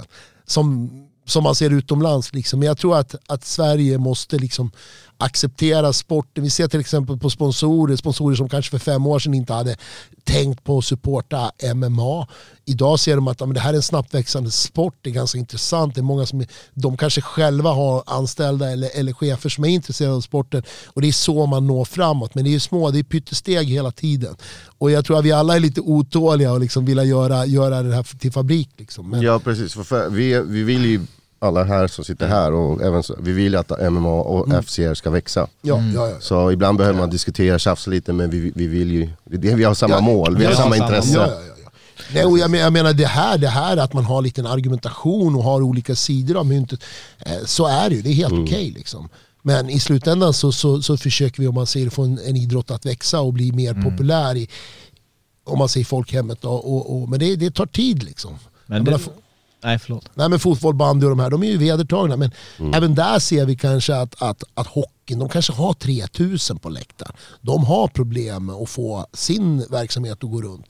Eh, dyra hockeyspelare som, som liksom, det är, det är ena hockeyklubben efter den andra ka- kantrar. Ja liksom. precis. Så det är ju hårfint liksom hur man, hur man får, hur man växer. Och det, det gäller att hålla i, i, i slanten där också och se att ger vi på för mycket då, då är det lätt att det vänder och så, och så kantrar man. Liksom. Ja men för det ser man ju också, liksom folk som säger att vi ska revolutionera hitan och ditan och det dumpar stora slantar och så ser man inte röken av dem efter ett år eller vad det nu är. Nej, det, nej, det är exakt. Och det, alltså galer ploppar upp, nya mediasidor och allt vad det är. Eh, så att eh, visst är det så. Eh, nu när vi är lite, alltså jag tycker att det här är ju det som Käftsmällspodden är till för. Att vi försöker ju liksom Dels höra sur, surret går eh, bland fansen och liknande och förmedla, förmedla deras åsikter och, och tankar och diskussioner. Eh, samtidigt vi, våra reflektioner om sporten och sen så har man sådana här eh, olika typer av eh, diskussioner med, med väldigt starka perspektiv ibland kanske till och med för att eh, jag tycker att jag är helt övertygad om att de, den diskussionen måste vara levande för att sporten ska tas framåt. Absolut. Eh, jag ska passa på att ta en eh, liten eh, eh, klagomålsaktig grej till innan vi kanske går över och, och snackar lite mer fighter. Eh, för att eh, vi snackar mycket om att vi, vi vill samma sak, vi, vi gynnas av varandra, vi får, visserligen nu är det lite svårt för oss att filma saker som vi vill på just SR, varför gör att vi kanske då får prioritera andra typer av lokala event som Stockholm Fight Night nu när vi vill filma YouTube-content. Det, det är ju vad det är liksom. Men när det kommer till media, för att vi skickar dit eh, reportrar som sitter och skriver och sådär. Och där upplever ju jag som eh, ändå, jag kommer ihåg liksom när, när vi var på MMA-nytt och Zlatko ringde och kan inte ni skriva om oss? Och liksom vi gjorde olika typer av samarbeten som funkade skitbra. Men någonstans lite grann kanske efter att så här, äh, det, det kommer till en viss nivå så har ju medias typ placering på galorna och sånt där blivit successivt sämre till den punkten att senast i Solnahallen, då, fick in, då först då fick inte ens vi komma in typ i arenan. Jag fick något specialpass av, av vad heter han, Backlav-generalen, jag tappar alltid hans namn. Ja, Kejan. Kejan. Jag fick något specialpass av han så jag, så jag sprang ner på golvet men det var ju alltså, det var typ utanför arenan i något rum med något glas och kolla igenom liksom. Ja, ja, ja, ja, fan, jag vet, liksom. du, Andres, För- för Andres, tidigare Andres, vi fick, ju- vi på fick platser på golvet, du vet så här, vi fick sitta där du vet, jag har det inte en aning om det här, jag har inte sett Nej. det här. Eh, men men, men eh, Där såklart, framförde vi lite kritik ja, nej, men så, faktiskt. såklart att ni är viktiga för oss. Eh, så är det ju. Och, och, Ja vi bevakar ju Ja. eventen. Ja, och nej, men, nej, nej, nej men det här ska vi absolut ta upp. För att ska vi vara ett professionellt event så är jag menar, ni är lika viktiga för att sporten ska växa som vi är. Eh, så jag har ingenting. Sen, sen om man säger content om, om vi inte får filma matcherna eller ni får inte filma matcherna och lägga ut kanske du vet, delar av matchen för UFCs, det vi har skrivit det kontrakt liksom. på. Ja men då är det en annan grej. Men, men det är ju sånt där som styrande Samtidigt när det kommer vissa av, av en viss nivå, då kan det där börja tummas på lite grann. Alltså, jag vet när man ser eh, block, jag sett att det filmas det fritt och du vet så här, så att det är ju lite, jag Ja. kommer ihåg Steve Bonnock som era mediekille förut, han sa när vi hade med oss Phil och Connor, då var Mm. det så här, jag bara, han vill göra någonting för Reuters, ja Reuters, då får han göra vad fan han vill du vet, så jag kan ta med han in i buren Ja. och du vet så här, och så bara, frontkick, nej ni får stå där och det är det här, Ja, nej, me- meter square meter och man får inte gå där och jag Nej men inte. där tycker jag det så här att vi har de samarbetspartner vi ska ha och där Ja. ska det vara homogent. Ja. spelar ingen roll om du är eh, liten eller, eller stor liksom, om det ska Nej. vara så. Sen är det Nej, väl för, alltid... för att, förlåt att jag avbryter, men där var det ju också så här äh, när det var UFC Fight Pass-stilen först, då kunde vi fortfarande producera ganska bra content runt omkring i och med just att vi var och härjade i, i backstage och fick, och det kan ju Mm, ofta vara väldigt så här fina och starka bilder som man kan lyckas fånga och självklart känna av med fighters vilka som vill vara fri och inte. Mm, Men där var det ju också att restriktioner började egentligen sätta steg för steg som gjorde att till slut, fan vad, hur, hur ska vi ens få ut någonting av det här längre? Då får ju vi omprioritera liksom Mm. på, på, så att det där är Eh, ja, det är, det är min bild av det i alla fall. Att det är så här, jag förstår att man inte filmar själva matcherna, men det finns ju saker som walkouts, vem som får sin hand uppsträckt, sådana här som Ja, tekniskt just sett och ja, ja, inte... och det är ju inte något problem. Det är ingen Nej. violation mot UFC heller. Nej, precis. Så att, så att det ska inte vara ett problem. Men sen tror jag vi har ju haft ett säkerhetsproblem på, på galorna som har gjort att vi har gjort zoner Ja, hit och dit. Vi har haft så jävla mycket folk ba- backstage. Ja. Jag menar vi har haft hela klubbar ibland som har varit där. Och man bara tänker så här, fan kan vi ha 30 pers i det här omklädningsrummet Ja. som tjoar och skriker? Alltså, och, i, I Solna var det väldigt mycket eh, kravallstaketer också. ja, ja, Ja, kommer ni ha det den här gången också? Ja, men Lite vi- mindre eller? Vi, vi, vi sätter staketerna runt buren, för vi har ju haft Ja, ja, det- ja. stormningar Ja, och det känns säkerhets... som att det där är en main, alltså det liksom ingår i eran riggning nu. Att ni Ja, har det är tråkigt att Ja. det ska finnas Och det är skittråkigt och det kanske är tre, fyra pers i Sverige som, som stormar. Men ni alltid har ju flera ordningsvakter på plats och liknande. Framförallt nu när ni säljer alkohol så Ja, måste men ni det, det, är ju, det är ju samma där, vi har ju liksom fått eh, restriktioner från, från eh, supervisor på SMAF.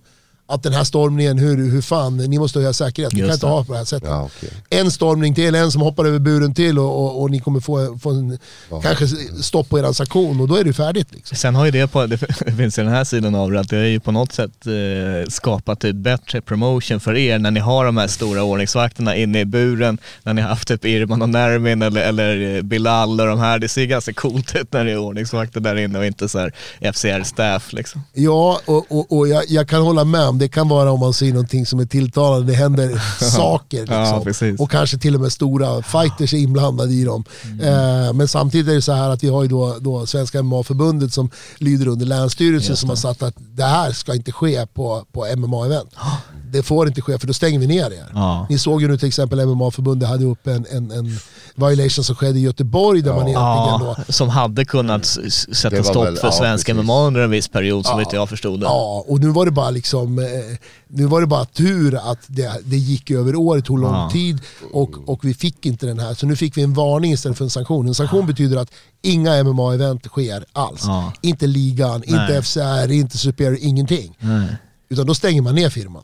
Och då, eh, då, då är det ju inte så roligt. Vad ska, vi, vad ska vi då sitta här och prata om? Nej, Matcher precis. som kommer 2024 eller? Ja, Thaiboxning. ja precis, det är det vi... vi nej, vi, Nej, men jag, ni kanske tar. BJ, du kör BJ säkert. Ja, jag ja, gillar Ja, det där. men du vet, det, är samma, det är samma där. Det- BJ-tävlingar de har ju också ett problem med, med, med, med, med publik. Liksom. Ja. Ja. Så jag menar, vi jobbar alla inom kampsporten med, med, med publikfrågan med olika framgång. Och, och, eh, men det är väl som sagt, det, tillsammans tror jag att vi gör kampsporten eh, alltså mer attraktiv. Sen vem som säljer bäst är egentligen skitsamma, det blir lite äpplen och päron av det hela. Men, men om, om Länsstyrelsen som egentligen har kampsportsfrågan För det är samma där, de kan ju stänga, om thaiboxning gör bort så stänger man thaiboxningslådan. Men det, visst är det så att en, MMA hänger Ja. MMA hänger på en liten tråd egentligen, som de när som helst kan bara... Det, det, är typ så jag har förstått det. Alltså det är en tillfällig lagstiftning, de kan när som helst välja att dra tillbaka den eller införa sådana här typer av sanktioner och skit. Men du vet som Eh, proffsboxning i Sverige. Ja. Du får inte proffsboxas i Sverige. Det är en gammal trätefråga som av gammal hävd hänger kvar för man har Ja. inte kommit överens. MMA kom senare och, och, och jag menar August Wallén och, och, Ja, Jesper Gunnarsson riktiga- och de jobbade ganska hårt under Ja. flera år för att få, få igenom den och, och, och lyckades få, få igenom sanktion för att köra den. Men det är som du säger att det är inte liksom eh, det, det, det, det är lätt missbrukar vi det här så, och inte följer reglerna. Folk säger vad fan vad larviga ni är, varför får vi inte göra så här? då, det gäller att sätta krav på kollegor i branschen också. Händer någonting på Wolf till exempel, ska, ska ni bli drabbad? Nej, det är, ju, det är ju så illa det är. Ja, tyvärr. så illa är det. Precis. om det är en klubb, en klubb i Sverige som har anknytning till SMAF som gör någonting, som det var nu då, så kan, då, då, då, stänger de FCR. Det känns ju jävligt orättvist. Ja. Om vi följer protokollet till, till, till punkt och pricka och sen ska vi bli nedstängda. Det känns orättvist men det är så, så illa det är egentligen. Ja. Det är då vi sätter på oss gula västar och, och sätter oss i motorvägen någonstans. Precis. Det ska vi ja, nej, men ska vi hoppa tillbaka till fightkortet nu? Yes. Eh, vad, vad vi... He- Hetche Sosa är tillbaka här. Hetch- Eh, Hetcher är tillbaka, ja. möter eh, Fredrik från, från Danmark. Ja, han var, har kört och sett förut han körde mot Bilal. Ja, precis. Bilal vann den matchen men det var en jävligt tight match. Ja. Eh, Fredrik är en annan fighter än Bilal. Bilal är ju brottningsbaserad. Fredrik var stående. Bilal lyckades med sin gameplan, fick han att ligga ganska mycket. Eh, var på marken ganska mycket och vinner matchen. Men nu möter han ju om man ser Hector som egentligen kanske har hela verktygslådan. Och, och, och, men, men inte heller är någon grappler. Så det kommer bli en helt annan fight eh, som jag ser det. Och, och, Fredrik har vunnit någon match efter han gick mot Bilal. Så att det här kommer bli competitive. Det kommer bli kul. ja men spännande. Han är han har blivit liksom en, en mainstay i en organisation, Mm. Hetcher, och han är signad uh, uh, med han promotion också right? Alltså som Ja, inte han pro- ja, han är, exakt, han har uh, multifight deal liksom. Ja, så att det är kul att se han. Han eh, har ju snackat lite om någon rematch med, med Karlen. vad heter han nu? Ka- Karlen- Karlen? Karlen Minassian, ja, visst. ja vad, vad tänker du om det? Nej men det skulle ju vara jättekul. Som jag säger nu, man kan inte köra en re rematch för tidigt. Men det känns som att, att vinner Hector den här så kanske han är redo. Ja. Eh, beroende på om man säger hur, hur Karlen är inställd. Men jag vet att de har tjafsat lite grann va? Ja, det har varit lite, beef, de har, du hade bara tur och hit och dit. Och, Men, men det känns som att Hector vill, eller eh, Sosa vill eh, inte möta han, att han vill liksom, vill inte han slåss för bältet snart? eh, han, han vill, som sagt, han, är ju inte, han har inte så många matcher. Mm. Och han är ganska medveten om att, att han behöver bygga på sig lite grann. Innan, jag menar, det skulle vara, vara tror jag, olyckligt att kasta han mot eh, 9-2 eh, eh, Sopai nu. Ja just det, så Eh, och jag menar, vad är han? Han är 4 4-1. 4-2? 4-1. Rätt, rätt, ja. Eh, och det känns som ett lite för stort kliv. Jag tycker att det är moget av honom att, att vara sugen på det. Många fighters ser sig själv som då, gud, om man säger den största talangen som har kommit till MMA-scenen och de är beredda att gå kanske för högt. Vi coacher får säga, tar ett par matcher emellan. Men nu säger han det själv, att jag vill ha ett par matcher till innan jag är redo för, för att, att gå om bältet. Men, men han har ju det som mål såklart. Jag tycker att Etcher Sosa är en av de bästa värvningarna ni har gjort på länge. För att ett, det är lite internationell känsla av det, vilket är spännande. Man ser en fighter som man inte är bekant med på samma sätt. Men också hans jävla inställning. Alltså, det känns som att han möter sådana riktigt eh, specifika, liksom jobbiga killar. Liksom innan detta var det Bilal som typ, ja, Dagestan Tjetjen-brottning. Nu möter han en kille som är lite grann som en dansk McGregor. Alltså han, han, är, han tar sig an tuffa uppgifter. Eh, Och som du säger, han, Ja. han medvetet säger jag kan vänta lite med titelchans. Jag, jag behöver lite erfarenhet. Okej, moget och smart också utöver det. Han, eh, ja, alltså det är riktigt bra värvning och han har en rolig fighting-stil. Det, det är en sak att ha alla de komponenterna. Okej, villiga att ta tuffa matcher. Okej, gör smarta beslut karriärsmässigt. Men sen så kanske han liksom fightas som två tramadol. Men han har en riktigt underhållande fighting-stil också. Så han känns som hela paketet. Och ni som organisation måste ju vara otroligt nöjda med honom. Ja men verkligen, han är ingen gnällspika alls utan han säger så här, här har du en kille som till exempel, han, han menar på att vi är på UFC Fight Pass, jag vill till UFC. Jag vill ha så många matcher det bara går, eh, pengarna spelar inte lika stor roll. Eh, jag, jag kan möta alla svenskar eller alla nordbor, eh, jag är tillräckligt bra. Eh, låt mig växa i organisationen för jag, jag, ska, jag ska till den stora showen, det är hans inställning. Liksom. Och, och han, visar, en- han, han, är- han är ganska mogen, han har en stor amatörkarriär. Jag har sett honom på IMF, han har varit liksom jävligt duktig amatör skulle jag vilja påstå att han var. Eh, och han, han fortsätter nu i lagom takt känns det som. Så att eh, han tar mogna beslut och jag ser att han kan gå jättelångt. Men, eh, Ja men verkligen. Jag, jag undrar bara, så du sa lite längre fram potentiell rematch. Om vi leker med tanken att Sosa vinner nu mot Strauss. Karlen har ju en match planerad i Cypern, tror jag det är, nästa månad. Som Ricky faktiskt ska Stämmer. vara announcer på, för övrigt. Lite kul Aha. fakta. Om Sosa vinner mot Strauss och sen mina, Karlen vinner mot den ryssen han ska möta som verkar vara ganska bra ändå. Liksom är tillbaka i vinstkolumnen. Är det fortfarande för Ja. tidigt att se rematch? Vill man kanske se det nästa år eller är det kanske dags redan då? Eh, för, för oss som organisation kan vi absolut se den. Eh, sen beror det lite grann på, på, eh, på Sosa, om han vill ha den eller inte.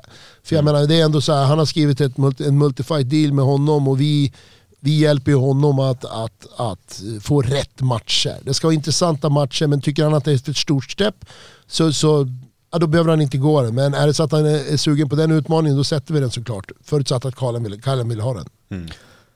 Lången tillbaka.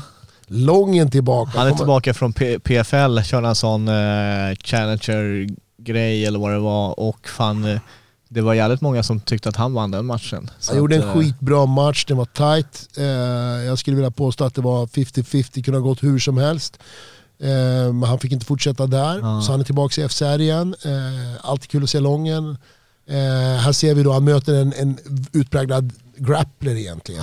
Eh, och, och det kommer bli intressant att se, för jag menar Lången brukar, han är känd för sin striking, han har den här aviga, långa striking som är jävligt svår för alla tror jag att, att möta. Eh, och, och nu då får vi se, det kommer vara stri- striking mot grappler. Får grappler ner, ner lången så kommer vi se han i, i en miljö där han kanske normalt inte hamnar i en fight. Eh, och det kan bli en, en, en ny dimension för honom att, att möta en jävligt bra grappler. Och om inte, om inte grapplern får ner honom så, så blir det nog en sämre kväll för att långens eh, striking är, är legit. Ja, han är grym och han är precis som du säger avig och eh, ja, jävligt lurig, han har sin egna stil, det är lite, det är lite liksom jävel, jävlestämpel men det är också väldigt personligt liksom avig på, på hans sätt. Ja. Eh, och han, jag hoppade av lite grann eh, hype-tåget och, och, valde, och, och jag tror jag tippade där i podden att Theodor Berggren skulle ta han och det, det tog han ju efteråt att det var, det var inget bra liksom. Och, och nu, jag vill bara be om ursäkt, nu är det Lången all the way. jag är på hans sida, han, är, han, han gjorde det jävligt bra mot eh, Berggren och visade att Ja, liksom, han är grym. han är, alltså. han är Han the real är- deal. Så att, eh, Han är, han är the real deal och, och, och det är samma där, Lången jobbar ju mot ålder. Liksom. Han är, kan han vara, 31 eller någonting? Han så är jag menar, han måste ha frekvens på matcher. Han kan inte sitta hemma på lådan och köra en match vart ett och ett halvt år. Utan ska han liksom eh, satsa på det här behöver han ha tre matcher per år. Liksom. Och, och nu är han ju hos oss och vi erbjuder, vi, vi, gillar, vi gillar Lången, vi gillar hans fighting-stil, hans inställning. Och det är när vi pratar om, om, om eh, nice killar som är jävligt ödmjuka och trevliga. Ja, så är han ju fantastisk. Nej, han är grym ju verkligen. Ja, är vem, vem är den här Simon Sailor? Simon Sailor, han är 2-1 men, men ehm, som sagt, hans grappling håller, han är svinvass. Eh, problemet är att komma in Alla på... hans vinster är på submission, både som proffs och amatör. Eh, Så och, det är en riktigt riktigt bra grappler kan man säga. Men eh, ka- kanske lite old school, alltså i det sättet att han inte är lika allround som många nya fighters brukar vara. Men den spetskompetensen han har, alltså den är, den är bra. Ja, han hade en väldigt stark önskan att möta just Lången. Jag vet inte varför, för jag, jag skulle säga så här att Lången är alltid en farlig match att sätta någon emot för att Lången är så pass eh, komplex som fighter och, och, och avig. Men, men han ville verkligen möta Lången. Han ansåg att han hade någon typ av, av gameplan som, som skulle hålla mot Lången. Så att, ja, det blir spännande att se på lördag. Eh, där innan så har vi Amir va? Amirs match. Amir, exakt. Ja.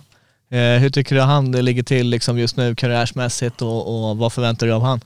Oh, eh, Amir är ju liksom... Eh, Hans stil är en superfavorit för mig, jag tycker han är så jävla komplett. Han har hela gamet, han är stark, han är liksom brottning, striking, allting ser bra ut. Eh, och han mö, mö, möter Max Promane som slog eh, Oscar Jaskari bland annat. Ja, just det. På Oscars Ja, ja, game. Och Oscar är ju, alltså var det landslag judo. Ja, och den här killen äger han om man säger i, i, i clinch om marken. Eh, så det, är ju, det betyder att, att han håller otroligt, det var en jämn match. Och Det var liksom en, en- en, väldigt jämn match dem emellan men, men Promane fick, fick eh, domslutet. Så att de gick tiden ut och, och han vann på domslut. Men eh, han kommer att pröva Malik Pours, eh, Malik Pour är från början fritidsbrottare, det är hans första liksom, Ja, kampsport. Och den håller, han är jätteduktig på kraft så är, de här små killarna får, får åka på, mot, mot, Malik Pour och, och det här kommer att bli en, jag skulle säga det det är några av Nordens absolut bästa flyweights. Ja, verkligen. Alltså, Danmarks utan tvekan bästa flyweight mot en av Sveriges bästa flyweights. Och, alltså, om man kollar Tapology, Mac Promané är stor favorit. Uh, Så, och han, alltså minus hans, alltså nu kommer han i och för sig från en förlust, men innan dess han var inne på en riktig jävla hot streak. Hans vinst över Jaskari tycker jag säger väldigt, väldigt mycket. Så jag tror detta kan vara en, en riktig toppmatch. Och en sak jag undrar då, så utomstående, det var ju titelmatch i flugvikt planerad, liksom. Som inte Ja. riktigt blev av, sådär skador och sånt. Va, hur långt är vinnaren i denna matchen ifrån en titelmatch? Eh, jag skulle säga att han är absolut contender. Eh, Den som vinner den här matchen ska, ska absolut vara med i, i flyweight-titeln. Okej. Eh, what about, uh, vad, he- vad heter han nu igen? Nu tappar jag namnet. Renato Vidovic. Renato är ju, han har haft lite pyssel med magen, lite med Ja. hälsan och sådär men Renato är ju också en toppfighter. Han har ju ropat ut sig som, eh, jag ska visa att jag är nummer ett flyweight liksom. Ja, och, så Soran är ju där i mixen, han var ju bokad titelcontender. ja, de två är ju också en rolig, jävligt rolig match. Liksom. De är också väldigt ettriga, bra. Eh, jag skulle säga att de här fyra är Ja. ju liksom verkligen där. Eh, Jo- Johnny, eh, han hade ju ner i mixen, nu går han till UAE Warriors. Mm, Eh, hur, känns det surt att han liksom eh, stack Nej. till en annan titelfight eller var det i och med att han var så nära bältet hos er? Nej, egentligen inte. Det är liksom ett val han drar och, och jag förstår att det är högre pengar där. Jag, jag, jag kan inte kritisera honom att han sticker dit och kör. Liksom. Nej. Eh, utan det här handlar ju liksom om... om nej, jag, ty- jag tycker att han kanske gör rätt när han får gå om bältet där. Mm. Tar han det bältet så, så, så är han ju ändå titelhållare och han kommer att få betydligt mer än han får hos oss. Hur, hur nära tror du vi är att ni har liksom fyllt upp rostern med eh, champs i, i de flesta viktklasser i och med att nu har ni haft bantamviktsbältet och där vart det ju kanske inte idealstart promotionmässigt i och med att ni, Nej. Eh, hade, ni vill väl ha någon som börjar etablera en dominans också eller Ja, i vi, alla vi, fall vi vill ju ha någon bältet. som försvarar bältet. Vi vill inte ha någon som säger så här, åh gud vad bra- jobbigt det var att banta, jag, vill inte, jag orkar inte mer. Nej precis. Eh, så det vart ju lite, lite bakslag så. Men, men, eh, Men hur tänker du nu med, med bältesbilden liksom i, i de olika viktklasserna? Att, att man kanske då börjar, eh, kanske det är ett sätt att dra också mer publik på galan, att man kanske Såklart. börjar köra liksom lite, lite double headers och grejer som Mm. sist vi pratade, då hade ni faktiskt lite grann planer på i och med att ni ville ha Jossan i en titelfight och, och, och så här. Eh, Mm. Sen är det ju alltid, saker kan fa- falla isär och, och, och whatnot, men eh, vad tänker du, när tror du vi kan ha liksom ett gäng med FCR-champs? Ja, men det beror ju lite grann på, vi, vi, vi har ju ett krav då. Skriv, om, om du tar titeln hos oss så fightas du om man säger eh, hos, exklusivt hos oss i, i Norden. Ja. Ja, då, är, då, är, då, är, då är vi din nordiska gala där du kommer fighta. Vi kommer erbjuda dig fighter men då måste du skriva någon typ av multifight deal. Ja. Och det var väl en del av, av Jonnys låda. Han ville inte skriva någon multifight deal, han ville ha mer pengar. Men då, var så här, då får du stå på sidan. Eh, för om du tar vårat bälte och sen så fightas du på Superior Cage och så åker du till, till Wolf och så vidare. Det är så här, och har, är du bältet så ska du vara beredd att försvara det. Du måste stå kvar och du måste slåss om det. Men var inte, han, eh, var inte det så att han, han var ju bokad för en titelfight och sen eh, Ja. när Safi kom in i bilden och då resonerade ni som så att Safi var inte eh, Nej, nej men Safi con- var ju inte, nej, liksom, det var ju bara för att fylla ut kortet. Safi tog den på kort notice och Aha. bara körde. Eh, men, men han var ju inte, om man säger, Han var inte någon bältescontender då. Eh, utan det skulle blivit för, för enkelt. Utan då, Ja, det är för sig, det går väl inte emot, eftersom du sa nord, i Norden ska det vara galan då, så Mm. eh, tekniskt sett kan man ändå sticka till en UAE ja, Warriors då. absolut. Okej. Och, och, och så gör vi då. Om vi, om vi Så det är väl inte hålla tillbaka fighters? ni Absolut bara, inte. Vi ser ju nu många fighters som inte vet vad det innebär. De går till Octagon, de går till UAE Warrior. Och tar du bältet och är, är deras champ och UFC ringer så får du inte gå. Nej precis, då måste du blockar få sign-off. För de har då en, en, de har en inställning att de är jämbördigt med UFC. Ja, Samma med precis. Brave. Eh, då Ja, blir, ja, Brave, då blir du där, låst. där har det ju varit några Ja, ja. situationer Det är många där, exempel tänkte jag säga. Ja. där, där, där har det ju varit några fighters som har eh, kanske Men när du pratar om skrivit på kontrakt innan. multifight-deal, är det tre fighter eller fler än tre fighter? Eh, tre eller fyra.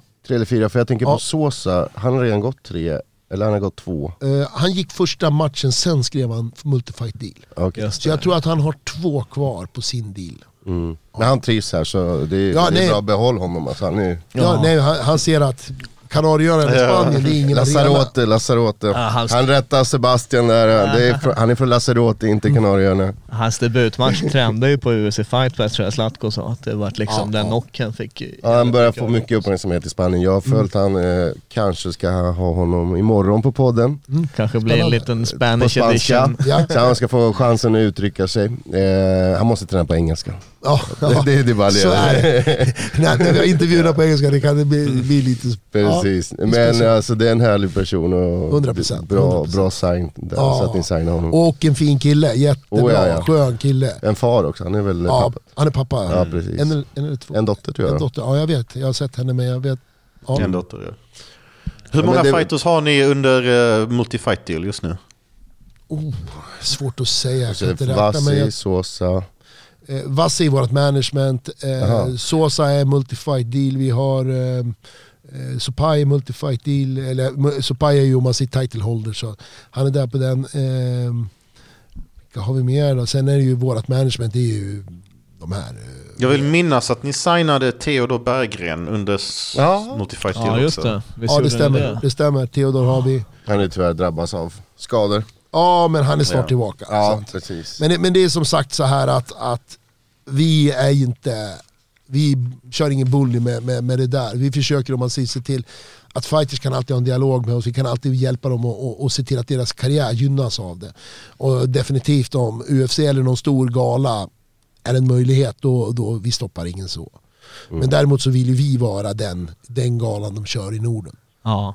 Så att, så att liksom det, vi har kontinuiteten, att vi kan bygga det ni pratar om nu. att Han går mot den där och man vet att okej i, i juni, då, då, han vann. I juni kommer vi se han eventuellt mot bältet och sådär. Så man kan Precis. kontinuerligt pla- planera deras, ett helt år. Liksom. Därmed det antar jag att uh, Superior har väl motsvarande alltså i sina kontrakt kan jag tänka mig. Ja, jag tror inte de har gjort multifight deals utan de gör management deals. Ja, det, så det de har ju mer, sitt, nästan alltid på Superior ser du deras killar. Liksom. Ja och så, eller killar och tjejer och sen så ser du deras mot någonting annat. Då. Så att de, de kör managementlådan ganska hårt. Eh, fan, jag kommer att tänka bara, eller vi brukar ju liksom, vi snackar om det många gånger i podden här på sistone också, nu, man vill ju ha, eller ja, sen corona egentligen så har man ju längtat efter den här nästa UFC-galan i, i Sverige liksom. Fan det borde, det känns ju som att någonstans, eh, visst ni har en till gala bokad i, i juni. Ja, vi har juni, vi har september, vi juni. har ja, ni har november. Ja, någonstans där, det brukade ju vara UFCs eh, liksom, eh, dag på kalendern nästan där i början Mm. av juni, slutet av maj. Vi får ju hoppas att det, att det någonstans börjar komma tillbaka till det normala här. Och, fan, då har man ju det här uh, looking for a fight liksom. Alltså jag ser, Exakt. man vill ju liksom Känner, jag- känner du att om, om UFC kommer hit, borde inte det gå att sälja in att göra en sån grej liksom? Jo, jo, vi har ju mycket dialog med dem och det de säger nu det är väl bara så här: okej vi har chansat. Ja, Eh, vi behöver ha fler. Vi Ja. behöver ha fler eh, alltså svenska, nordiska som vi ska ha på kortet. ja, Det är så man bygger en show i Norden, då måste vi ha nordiska fighters. precis. Och det är för få nu för att liksom känna att oj, Sverige kör vi. Ja, Så jag menar en eller två till som kommer in i UFC, då har vi en svensk, då har vi en, sve- en svensk UFC-gala. Och det är någonting som om ni skulle kunna få till just den delen på att FCR vävs in i det på något sätt, då kanske vi har börjat snacka om eh, hur man kan ta den här skiten till nästa nivå liksom egentligen. Men, men kraften i UFC Fight Pass är ju just det att vi har dialoger med, med UFC, med UFCs eh, matchmaker. De kollar matchen, de bara det. det där var en bra match, Eh, den här killen ska vi hålla koll på. Det är, så, det är ett sätt att, att få ögonen på sig ganska tidigt. Och gör du tre, fyra bra matcher då kan du bli upplyft ganska fort. Du kanske Ja. inte behöver 10 10-0 i rekord utan det kanske räcker med, med, med 6-0 så, så plockar de över dig. Ja men precis. Det är så med Cage Warriors, de plockar ju, ja, vad har de haft, 113 som, som har Ja, haft jävligt, bältet? Ja. jävligt många. V- vad, är, vad är det för uh, fight som kickar igång uh, Fight Pass-kortet? Som du har där på. Jaha, vilket som, som kickar igång? Ja, Ja, det är ju, det är Mo mot Petele va? just det, det är Mo där. Det är en Ja. intressant fight i och med att han är ju faktiskt också en lite sån där fighter där record kan bedra i och med att han har ju mött jävla duktiga folk i, i Bellator, Usman Nurmagomedov bland annat. Eh, Och Petele. eh, ja, vunnit mot eh, David Bjelkheden också gjorde han. exakt, exakt. Så att eh, det blir ett tufft test för Mo right? Pitela har ju, har ju mött tre svenskar och slagit varenda en. Ja, vem är den tredje då? Uh, Said Ganji och uh, Right, Arman ja, ja. Popal. Okej. Ja, nej, men det, det, det, det är ju så här att, att jag fick en fråga direkt när vi satte den matchen. Hur tänker du här liksom från, från MMA-förbundet då? Ja. Eh, hur kan du sätta en Ja, så? de kritiserar den nästan. Nej, de, de, de, de frågar hur man kan säga, hur, hur tänker vi? Liksom. Eh, och för mig är det så här, jag, jag tycker jag har en bra känsla för dagsform. Jag, jag kan egentligen titta, det är inte så här, om han har så här många vinster och så här. Men, men Petele kommer från tre förluster. Eh, och vi har Mo som kommer, som har vänt och man, så han börjar, börjar svagt och kommer nu, han är i winstreak. Han är, ligger i, i, i rätt viktklass, han är jävligt farlig. Eh, hans, hans markgame är, är, eh, är vast liksom. Eh, han har improvat sitt, sitt stående så att han är nu game. Jag tror absolut att eh, folk får säga vad de vill men jag tror att Petele mot, mot han kommer att vara en väldigt jämn historia. Jag tror att, och är det inte så att oddsen eh, pekar lite åt det hållet också tror jag? Jag tror oddsen- ut eh, Ja, lite. ja. Och det där ska man veta i, i fighter att, att det här med att komma från vinster och komma från förluster det är liksom ett psykologiskt game lite Ja. grann. Har man tre förluster det är svårt att vända. Eh, kommer man från tre vinster så känner man sig lite skottsäker och man, Ja, ja, man kan vara helt annorlunda i, i när man går in i fighten. Så att det där är en kraft att räkna med och, och matchmaking är ingen enkel sak för då skulle det liksom alla göra det bra. Eh, det är många som gör det men det är få som gör det bra. Hur ser det ut med armbågar och sådana här grejer? Är det, är det alla pro-matcher, kör de fulla regler eller är det ett visst antal? För, för visst är det så att det Det- ligger på dig som matchmaker nu för tiden att, att göra det beslutet? Exakt, ta det beslutet och jag är ju för att Sverige närmar sig UFC Ja. i större utsträckning än att vi kör någon sån här mellansvensk svensk prov. Nej, precis. Eh, Jag är helt för om man kommer från amatör, man har aldrig kört någonting sånt där. Men vi säger att har du en bakgrund med 30 boxningsmatcher eller någonting. Du har gått inom andra kampsporter så du har varit i branschen länge. Ja, då är du mogen som fighter kanske att ta armbågarna redan första matchen.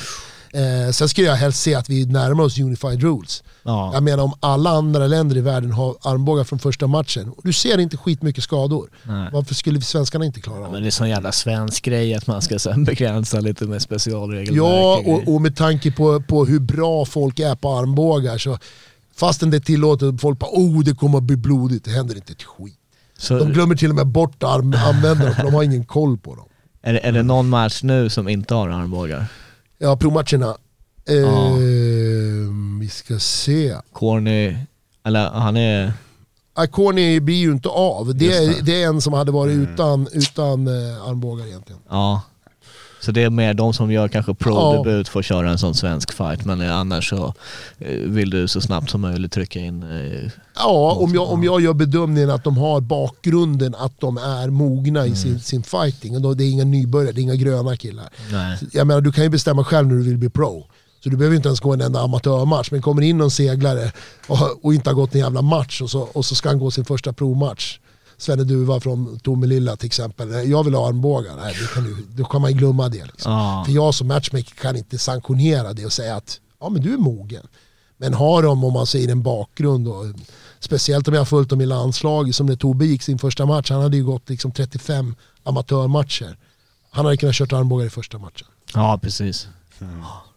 Okej, så Martin Corner blir inte av och eh, hans motståndare kommer inte få någon match eller letar Nej, nej det, tyvärr inte. Vi, med fem dagar och hitta någon som kan gå in i 66. Vi har frågat och vänt på Ja. varenda sten, vi får inte in den.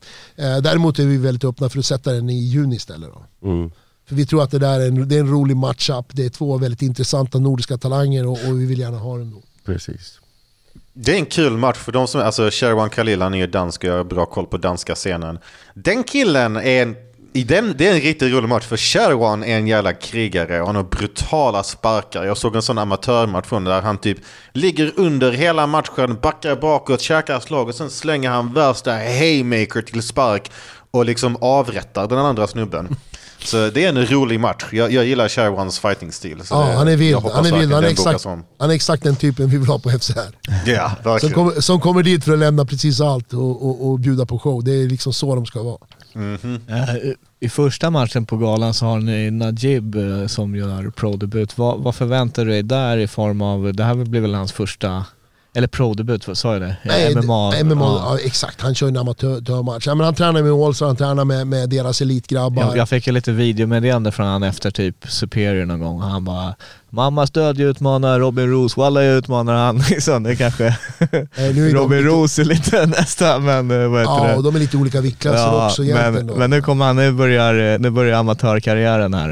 Eh, Vad, vad kan vi förvänta oss av han? Vad tror du liksom den här trä- han är Han har ju kört på Allstars, han har varit med liksom i de här, eh, Och han är, han är en jävla skön kille, showman, Han är det, verkligen. snackar, han är jättetrevlig. stötte på honom i Kista häromdagen. Ja, och jag, och jag menar han, han, han kör med, med väldigt bra människor liksom. Ja. Så jag tror att han är de, definitivt le, legit, en rolig profil. Är han någon som säljer lite biljetter här också? Det gör han ju definitivt. Eller hur? Ja, det gör Ja. han ju också. Och, och sen har vi Erik då från Norrköping som har varit med egentligen, eh, Daniel Karlsson. De är polare då. Ja. Och, och han var med på VM förra året till exempel, men då, jag visste inte vem det var. Det var en kompis till, till, till Daniel. Mm. Skitlång, två meter lång, fitnesssnubbe, någon typ modell. Ja, som har börjat kört, eh, om man säger med dem i Norrköping då. Och fysiskt ligger han ju liksom otroligt bra till. Han är stark, han är stor, han är liksom sådär. Ehm, och, och, och han, han, ska, ska, han, han- har en okej MMA liksom. Så det är upp till bevis. Jag menar, det är inte lätt att möta Erik för att han är, det är ett fysmonster. Och sen har vi Najib då som är kanske lite mer player, du vet. Så det kommer bli två stilbyten lite grann där. Och, och, eh, ja, det, det blir spännande, för jag menar när de är så här stora som de är, så smäller det. Det är 100 kilo catchweight. Ja. Och du vet, eh, träffar, träffar man kan det vara färdigt liksom. Så det där blir ju en nagelbitare. Det är alltid kul med stora pojkar. Daniel nämner du, eh, jag vet inte, de här matcherna som är kvar på, på underkortet som vi inte har tagit upp, liksom, vad, vad kan man säga? Daniel är ju extremt spännande som gör pro-debut. Ja, nej, han, nej, han har gått en. Nej han har det? Han gick en på... Just det, han gjorde på, på Wolf, Wolf, ja. ja. ja. det var, det var lite kontroverser grejer. Ja just det, de sa att var- han hade klappat och sådär. Jag, Just det. jag har ingen åsikt där, jag, jag såg inte matchen. så Hans record är fortfarande 1-0 eller? Ja, ja, han är 1-0. Och, och så möter han då, då Tommy Leinonen som är finsk landslagsman från, Ja. från amatörscenen. Ja, ja. Eh, Medan Karlsson är, är den svenska amatörlandslagsmannen. Och så möts de nu som pros, så det kommer bli skitroligt.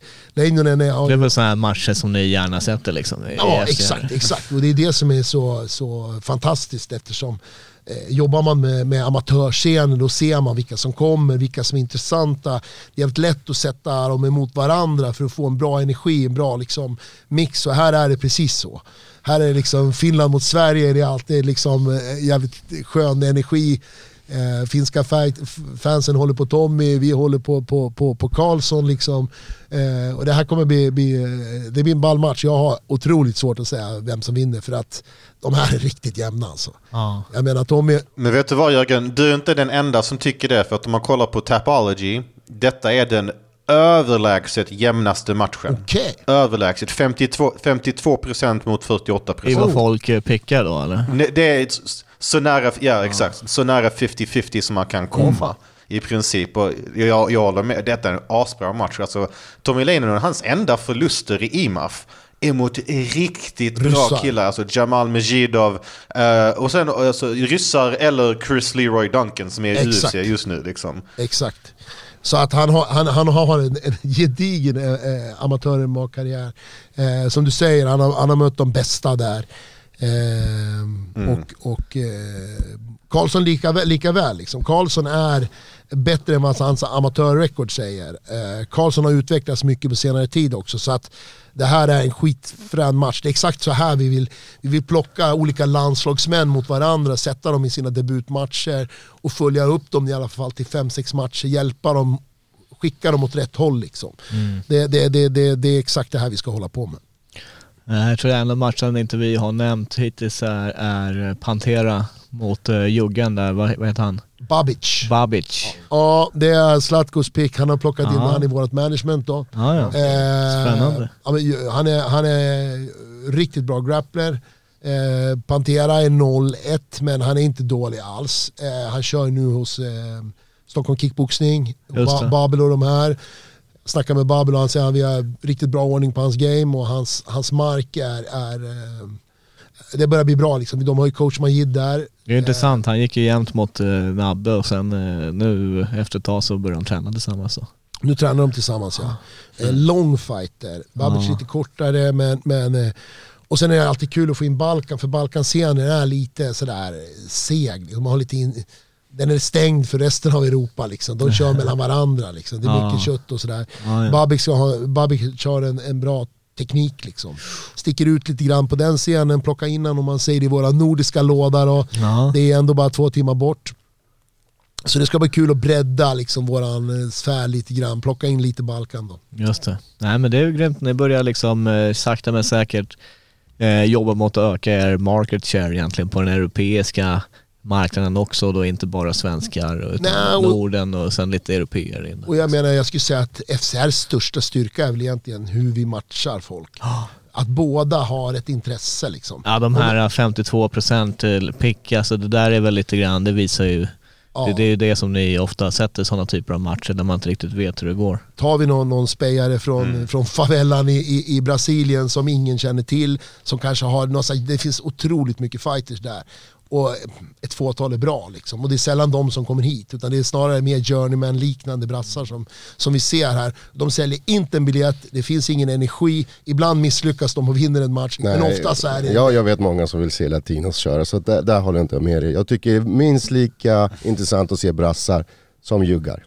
Jo, men nu är det ju så här, de brassar som svenskarna tar upp, det är de som ligger om man säger det, i Portugal. Vi flyger Ja, sällan över... Tyskland, Österrike. Ja, vi flyger sällan över dem från Brasilien för det blir alldeles Jo men jag blir lite irriterad när man tar upp det här med brassar. Det är Eh, en punkt. precis. Det har varit för mycket skitsnack om brassar. Okej. Eh, brassarna är bra. Och de är väldigt många. Det är för, vi, vi, Ni har ju fan haft en champ som är brasse, Felipe Lima. Ja, alltså nu, det, det är ju det jag säger. Det finns riktiga guldkorn. Ja. Men det är väldigt många. Och, må, och, och, och, och när du hör, vi får alltid liksom, varje vecka höra någon sån här manager av sig. Och tittar du på recordet när en svensk gala, sätter du in en Felipe Lima så är det klart, kolla hans record. Vad är han med 10-1? Ja, och jag menar då vet du att du får ett guldkort. Men när du, får en, när du ser att svenska galor sätter sin egen kille. Jag, sett, jag sätter Alexander Löv mot en 1-7 från Brasilien.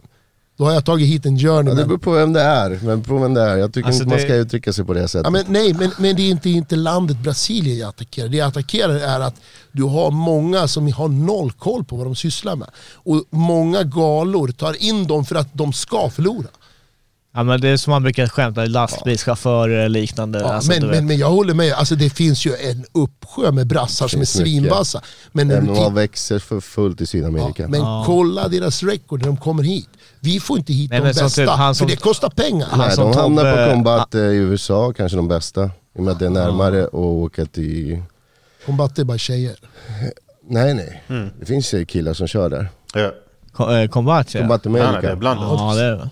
Är inte det bara tjejer? Nej. Nej nej nej, det är, det är bara en vikt. De Ja, men, men, men, men som sagt, eh, de, de, de med kvalitet där Men är jag, ju jag, köper vad du, jag köper vad du säger därför att det handlar om vilka fighters, det handlar inte om, det handlar om vart de är i sin karriär och vilka som man kan få Exakt. hit då. Det till- handlar inte om landet, utan det här handlar om att man Jag- jag medvetet som matchmaker plockar en rumän eller en, en brasse eller någon som har ett ganska kraftigt negativt record. Jag kommer ihåg när det var Stockholm, nej vad hette det, Scandinavian Fight Night, då var det också, men då var det mycket rumäner, polacker Ja. som inte alls hade records på, Och den på svenska, svenskarna. sven, svenska fighten vinner på... då, då var det någon granskning, jag Svenska- surrade ja. med dig och grejer kommer jag ihåg. Svenskarna vinner på 1.30 i första ronden. Ja, jag, jag, sa- jag kan säga nu to be fair, det här var typ en dag innan en räddning när Kalle skulle, Karl Albrektsson skulle köra Superior när det var den här äh, Adam och Tobbe-galan jag. Jag tror det var samma. Då, då var det ju en, en, en, en eh, brasilianare med 15-15 i record tror jag. Han gick i pension sen så han var precis där på slutkanten. BG mötte ju samma kille. Men, ja, just det. Och, och, och, och oddsmakarna han- lyckades sätta 1,60 på Kalle så jag bara fan in med några laxar. Jag, jag, blev, jag tjänade bra profit på den matchen. Och han hade ju ändå varit UFC den killen.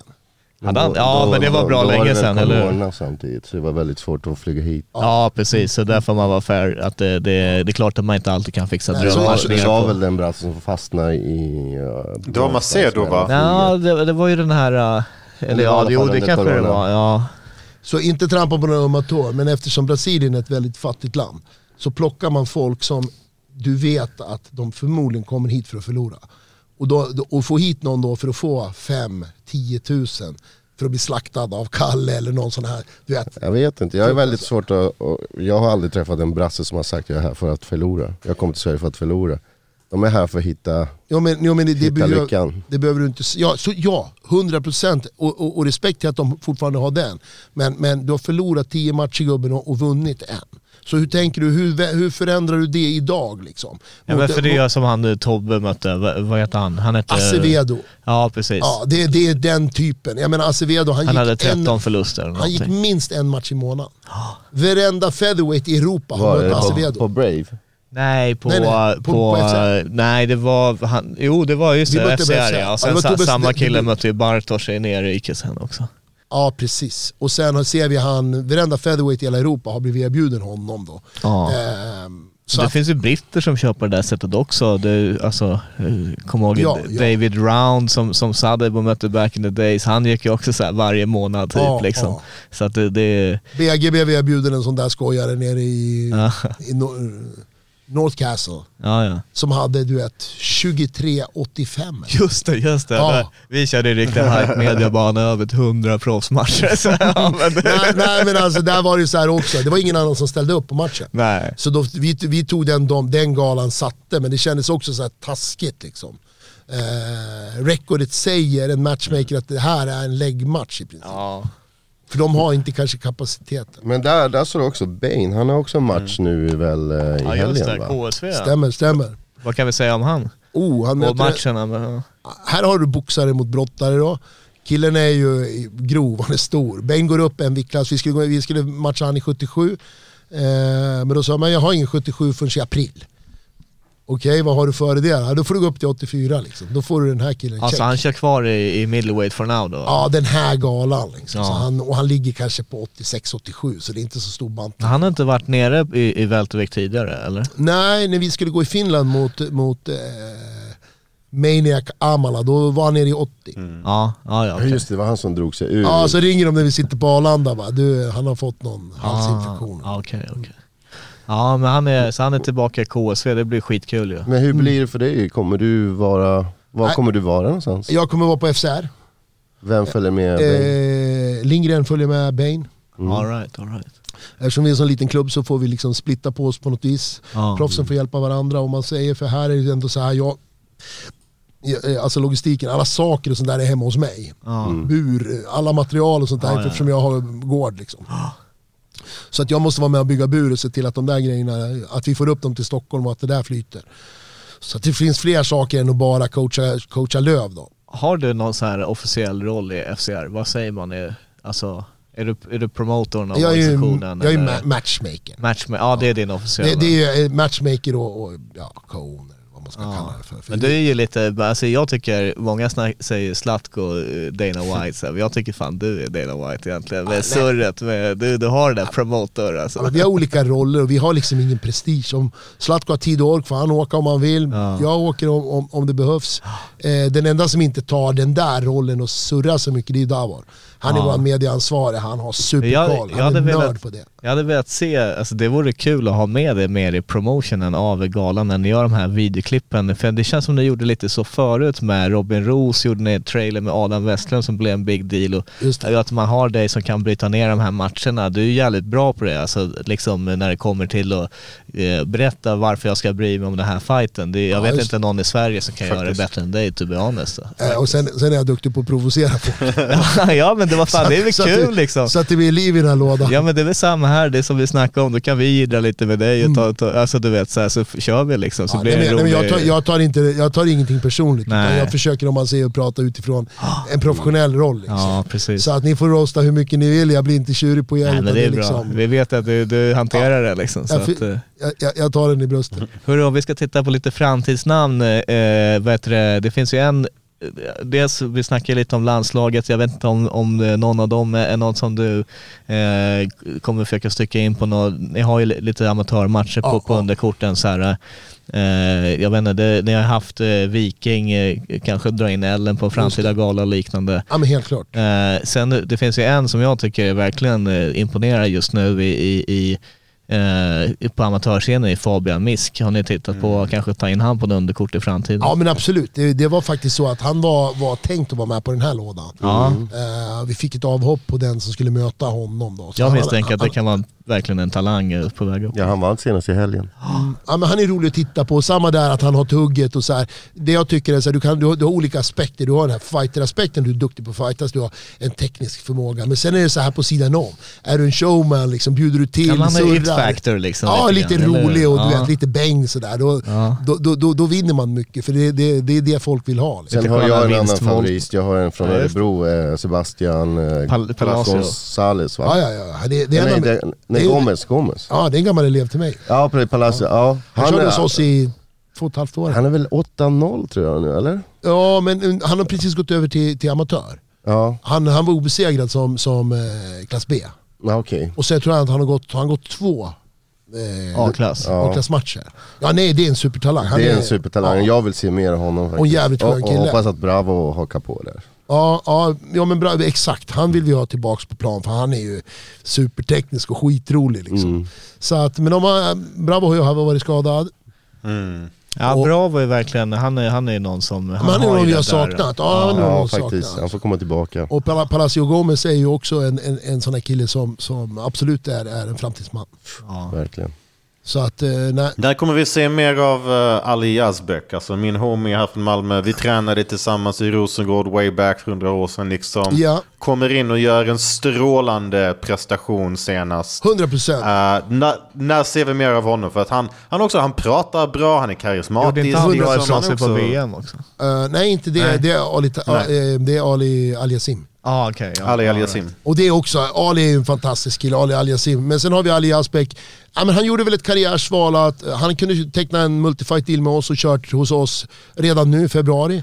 Eh, han valde att, att teckna med något annat. Han vill mot eh, UAE Warrior till. Det var hans val och eh, då klippte han egentligen med oss. Så att eh, vi kommer nog inte se han speciellt mycket i FCR utan han har valt att, att, att gå åt ett annat håll. Men eh, det är inte, det är om man ser hans val, jag hade jättegärna sett han också. För det är som du säger, jag såg han i Rosengård 2015 eller någonting och haft kontakt med honom sedan dess. Eh, men han tog ett aktivt val att göra någonting annat och, och respekt för det. Eh, jag hoppas han, han lyckas där. Ja, helt rätt. All right. Sen får jag inte glömma, Nermin har också match snart. Eller ja, inte snart, det. det, är mycket kvar. jag, alltså jag kommer ha ett jävligt stock, stackat eh, april med mina gubbar. Jag har fem fighters i, i april. Just det. Så jag har alltså, den 15 har vi Närmin Mm. eh, och Löv, tror jag. Eh, beroende på om, om han är fresh på lördag, då, då, då, är, då är han den 15 april också. Båda de Så fightersna. om, om jag läser mellan raderna här så kan det ha lite med Octagon att göra med, med Löf? Eh, Ah, det är ingen kommentar där. inga, inga kommentarer. Men det är en bra plattform där. ja, ja, men alltså, de är jävligt bra. De, De säljer biljetter kan man säga. ja, och sen har vi då eh, 22 april. Då är det Lindgren på Cage och det, Ja, är, eh, och det är Bane i, i, i Polen. Nice. Mhm. Och sen har vi då 29 då är det Harila. Ja, just Ja det. just det. Så på tre veckor ska, ska, det, ska det vara fem fighters då. Så att det kommer att bli lite stökigt. Det blir mycket resor i april kan vi säga. Ja, vi ska nog åtminstone ha någon, eh, någon eh, liten representant på plats där i, vi får se när, Mm, när Harila kör sen. Vi har ju en liten irländare som vi jobbar, gillar att Mhm. jobba med här. Okej, är det han Colt bara? F- Phil, Phil O'Connor. Ja! Philip O'Connor. Philip, ja ja ja. Ja, så att eh, vi ska allt väva in han på något sätt i, i det här. Det blir Ja. jävligt, jag ser jävligt mycket fram emot det för att det, jag hoppas nu att Tobbe kan lyckas med det här nya mindset han beskriver och sätt att se på varje utmaning för sig. Och jag, jag misstänker att han som sticker till galen arena i, i, i Dublin, han blir bara mer taggad av det Mm. och han kan börja nu bygga upp konsekventa prestationer så att det inte svänger liksom. eh, Exakt, eh, för att han, han, han var ju jävligt solid eh, gång efter gång eh, innan han tog det här klivet och det är väl fullt normalt att Mm. ibland så får man akklimatisera sig till det här. Det är ju en, en nivå högre som han har gått till och, och han hänger med dem, han gör bra prestationer. Eh, ibland har det varit kanske olika små misstag eller eh, strategiska misstag mot fransmannen och liknande. Ja, Eh, nu- ja precis. Det, är- det, det, jag- skulle säga båda de förlusterna, Bark och, och Gomis, det är om man säger mindset, mental, eh, mentala om man säger uppladdningar som har misslyckats.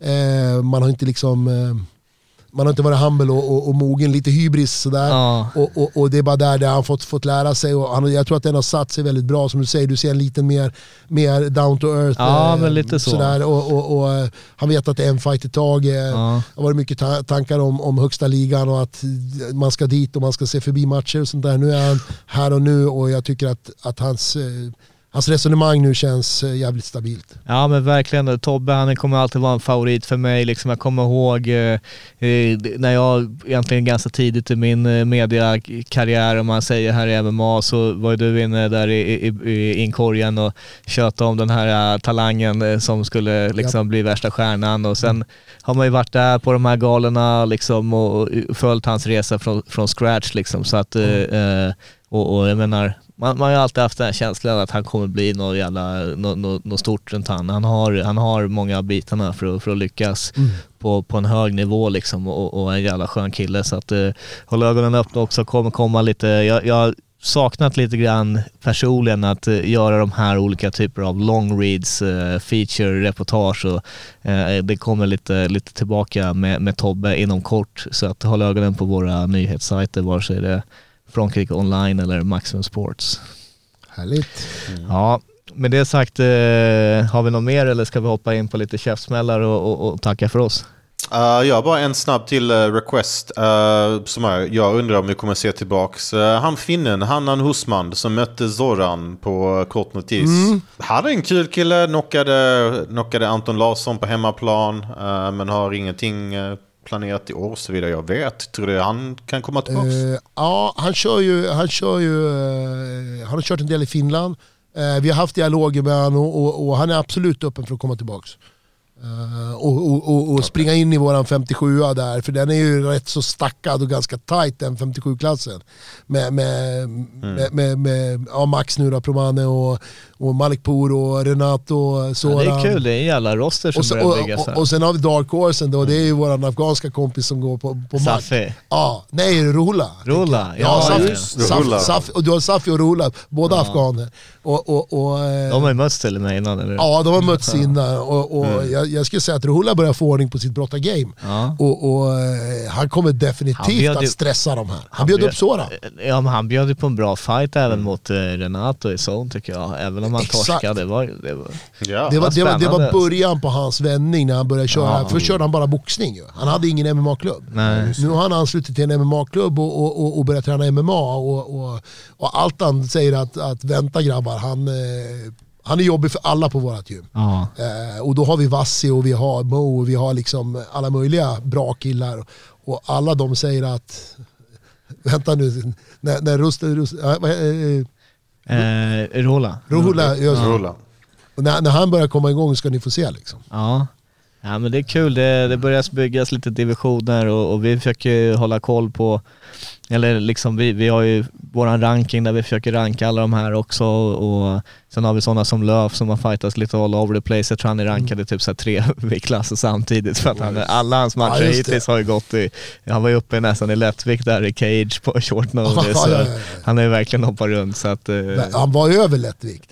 Jag tror de gjorde en catch rate 74 eller Ja, någonting. du ser precis. När han fick matchen vägde han 77. Ja, just det. Men nu är han i form, han har ju varit även i Thailand och tränat. Ja, ja, ja. ja. Men det är väl så att fjädervikten är väl optimal för han, har man väl eh, kommit att inse om inte Det känns annat. absolut så. Han höll ju för fan på att dö när han gick ner till 61. Ja, nej precis. Så att, eh, nej, ja, det känns som en bra vikt för han. Han är rappstark och, och, och liksom pigg där. Han ska inte vara större. Nej. Men du Jörgen, har du någon eh, käftsmäll att dela ut eh, här i, i detta avsnitt? Eh, ja, det blir inte till en utan det blir flera. Ja, vi vill gärna ha flera så att det är keep on coming. och, och, och nu menar jag alla små fighters som sitter och pratar om den här tusenlappen eller två och inte fightas. Om, och, då har man misslyckats i sin strategi. Jag menar så här, kontinuitet och fightas mycket, det är, det, är, det är key. Det är det första du ska tänka på när du är 0-0 eller 1-0 eller 0-1 eller någonting sånt där. Eh, kontinuitet, fightas mycket. Skit, gör en Samuel Bark liksom. Ta alla galor som finns, skit i pengarna och, och bygg en karriär liksom. Det är de, de, de som sitter och, och piper om en eller två tusen spänn och inte får fightas.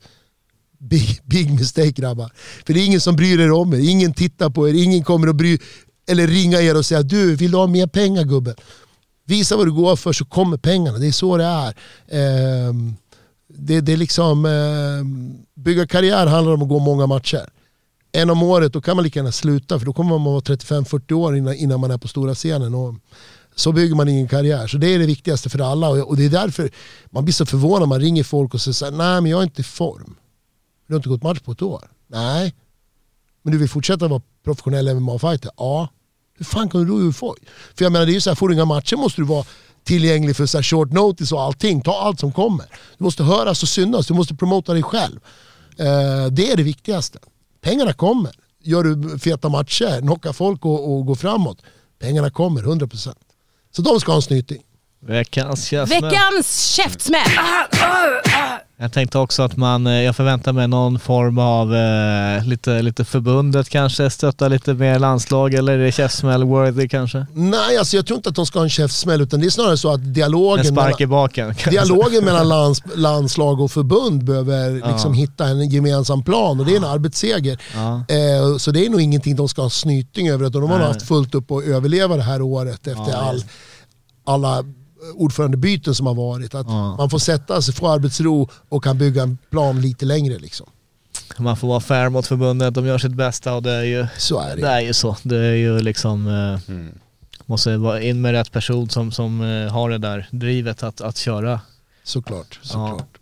Nej men eh, Jörgen, eh, som vanligt, det är alltid jävligt nice när man, när man pratar MMA med dig. Det, det känns som att man kan eh, känns som att man kan surra på i evigheter. Eh, jag tror vi har täckt eh, det mesta aktuella for now. Eh, och vi ser fram emot Fight Club Rush 25 februari. Eh, vi kommer väl eh, få, få snegla lite i och med att vi är borta i, i Münchenbryggeriet Ja, men, det. men eh, vi sneglar på någon platta eller sådär. Så Ja, att nej, vi- men all, alla människor kan ju välja fel i sitt liv. Ja, så, att så är det ju. Ja. Men det förlåter vi för. Det är helt Ja okej. men det är bra. Ja. Ja, men det, vi, vi lockas av mediaplatserna på Exakt, ja, Münchenbryggeriet. Ja, ja. Vi, vi gör, Och där har vi av käftsmällen, den, den som placerade oss i Solna på en jävla hockeybås med plexiglas. Där har du jag den. funderade på samma men... Fick ni klaustrofobi in i plexiglaset? Ja, Det var, man kunde inte andas, det var lite vi- som Titanic i bilen du vet. Man var, Var, var det lika sexigt också? ja, det var lika sexigt, jag vet inte Nej, fan. men vi ska försöka hitta riktigt jävliga platser åt Ja. den gång ni kommer nästa gång då. Ja men det är bra, det är bra. Ja Det precis, det blir väl i så fall i juni, det ser vi fram emot. Det kommer vara i Västerås va? Ja, vi. Så hur, hur det kommer det se ut eh, i olika liksom, eh, med de här datumen? Hur tänker ni med Galer Stockholm versus eh, Västerås nu? Eh, nej, men vi försöker variera lite grann. Så att vi kommer att köra, i år kommer vi köra nu Stockholm, Västerås, Uppsala. Jag tänkte Ja, fråga, när Uppsala. kommer ni till Stockholm? Alltså ni kommer ju till Solna, inte till Stockholm. Eh, Det finns i Stockholms stad och Solna stad. Ja, du vill ha en gala i Eller? Globen eller? Det kommer inte cirkus, det är annexet. Alltså, Till det ah, stora fotbollsplanet. Annexet. Är, är det så bra? Är det så bra redan? Om- om vi- Jag vet inte, Låt han svara nu, Om, vi, om, vi, om, inte Partis. Stockholm, om inte stockholmarna, or- vi är så jävla snåla, vi vill inte betala tullavgiften, åka in i Ja, stan. det är den. Det är ja. den. Det är den. 20 spänn och åka in i stan, det Ja, är för just jävligt. det. Men Det är smart lördagar tänkt. brukar man inte få betala ändå. Kanske är så. Men or, orkar man inte åka tre tu- tunnelbanestationer ut till Solna, då får man fan stanna hemma. eh, nej, jag tror att med, med tanke på hur stor den här arenan är så kommer den bli full ändå. Det hade säkert gått att, att, att få iväg 2000 i alla fall i Det Stockholm. blir lite svårare i och med att det är plan, det är inga läktare, eller hur? Det blir... Ja, men jag tror att det blir... Lokalen är trevlig, man kommer att se bra ändå. Okej. Buren är så pass hög. Liksom. För det hade vi åsikten när det var annexet. Där Mm, hade man svårt att Men se. de hade ingen TV, äh, så här, skärm, kommer ni ha det eller? Vi kommer att ha skärmar. Ja, det tror jag är ganska viktigt. eh, Det hade de på senast. Det spelar ingen roll om du sitter på golvet eller om du sitter Det på hade de på läktaren. Ja, jo, jag- nej jag vet.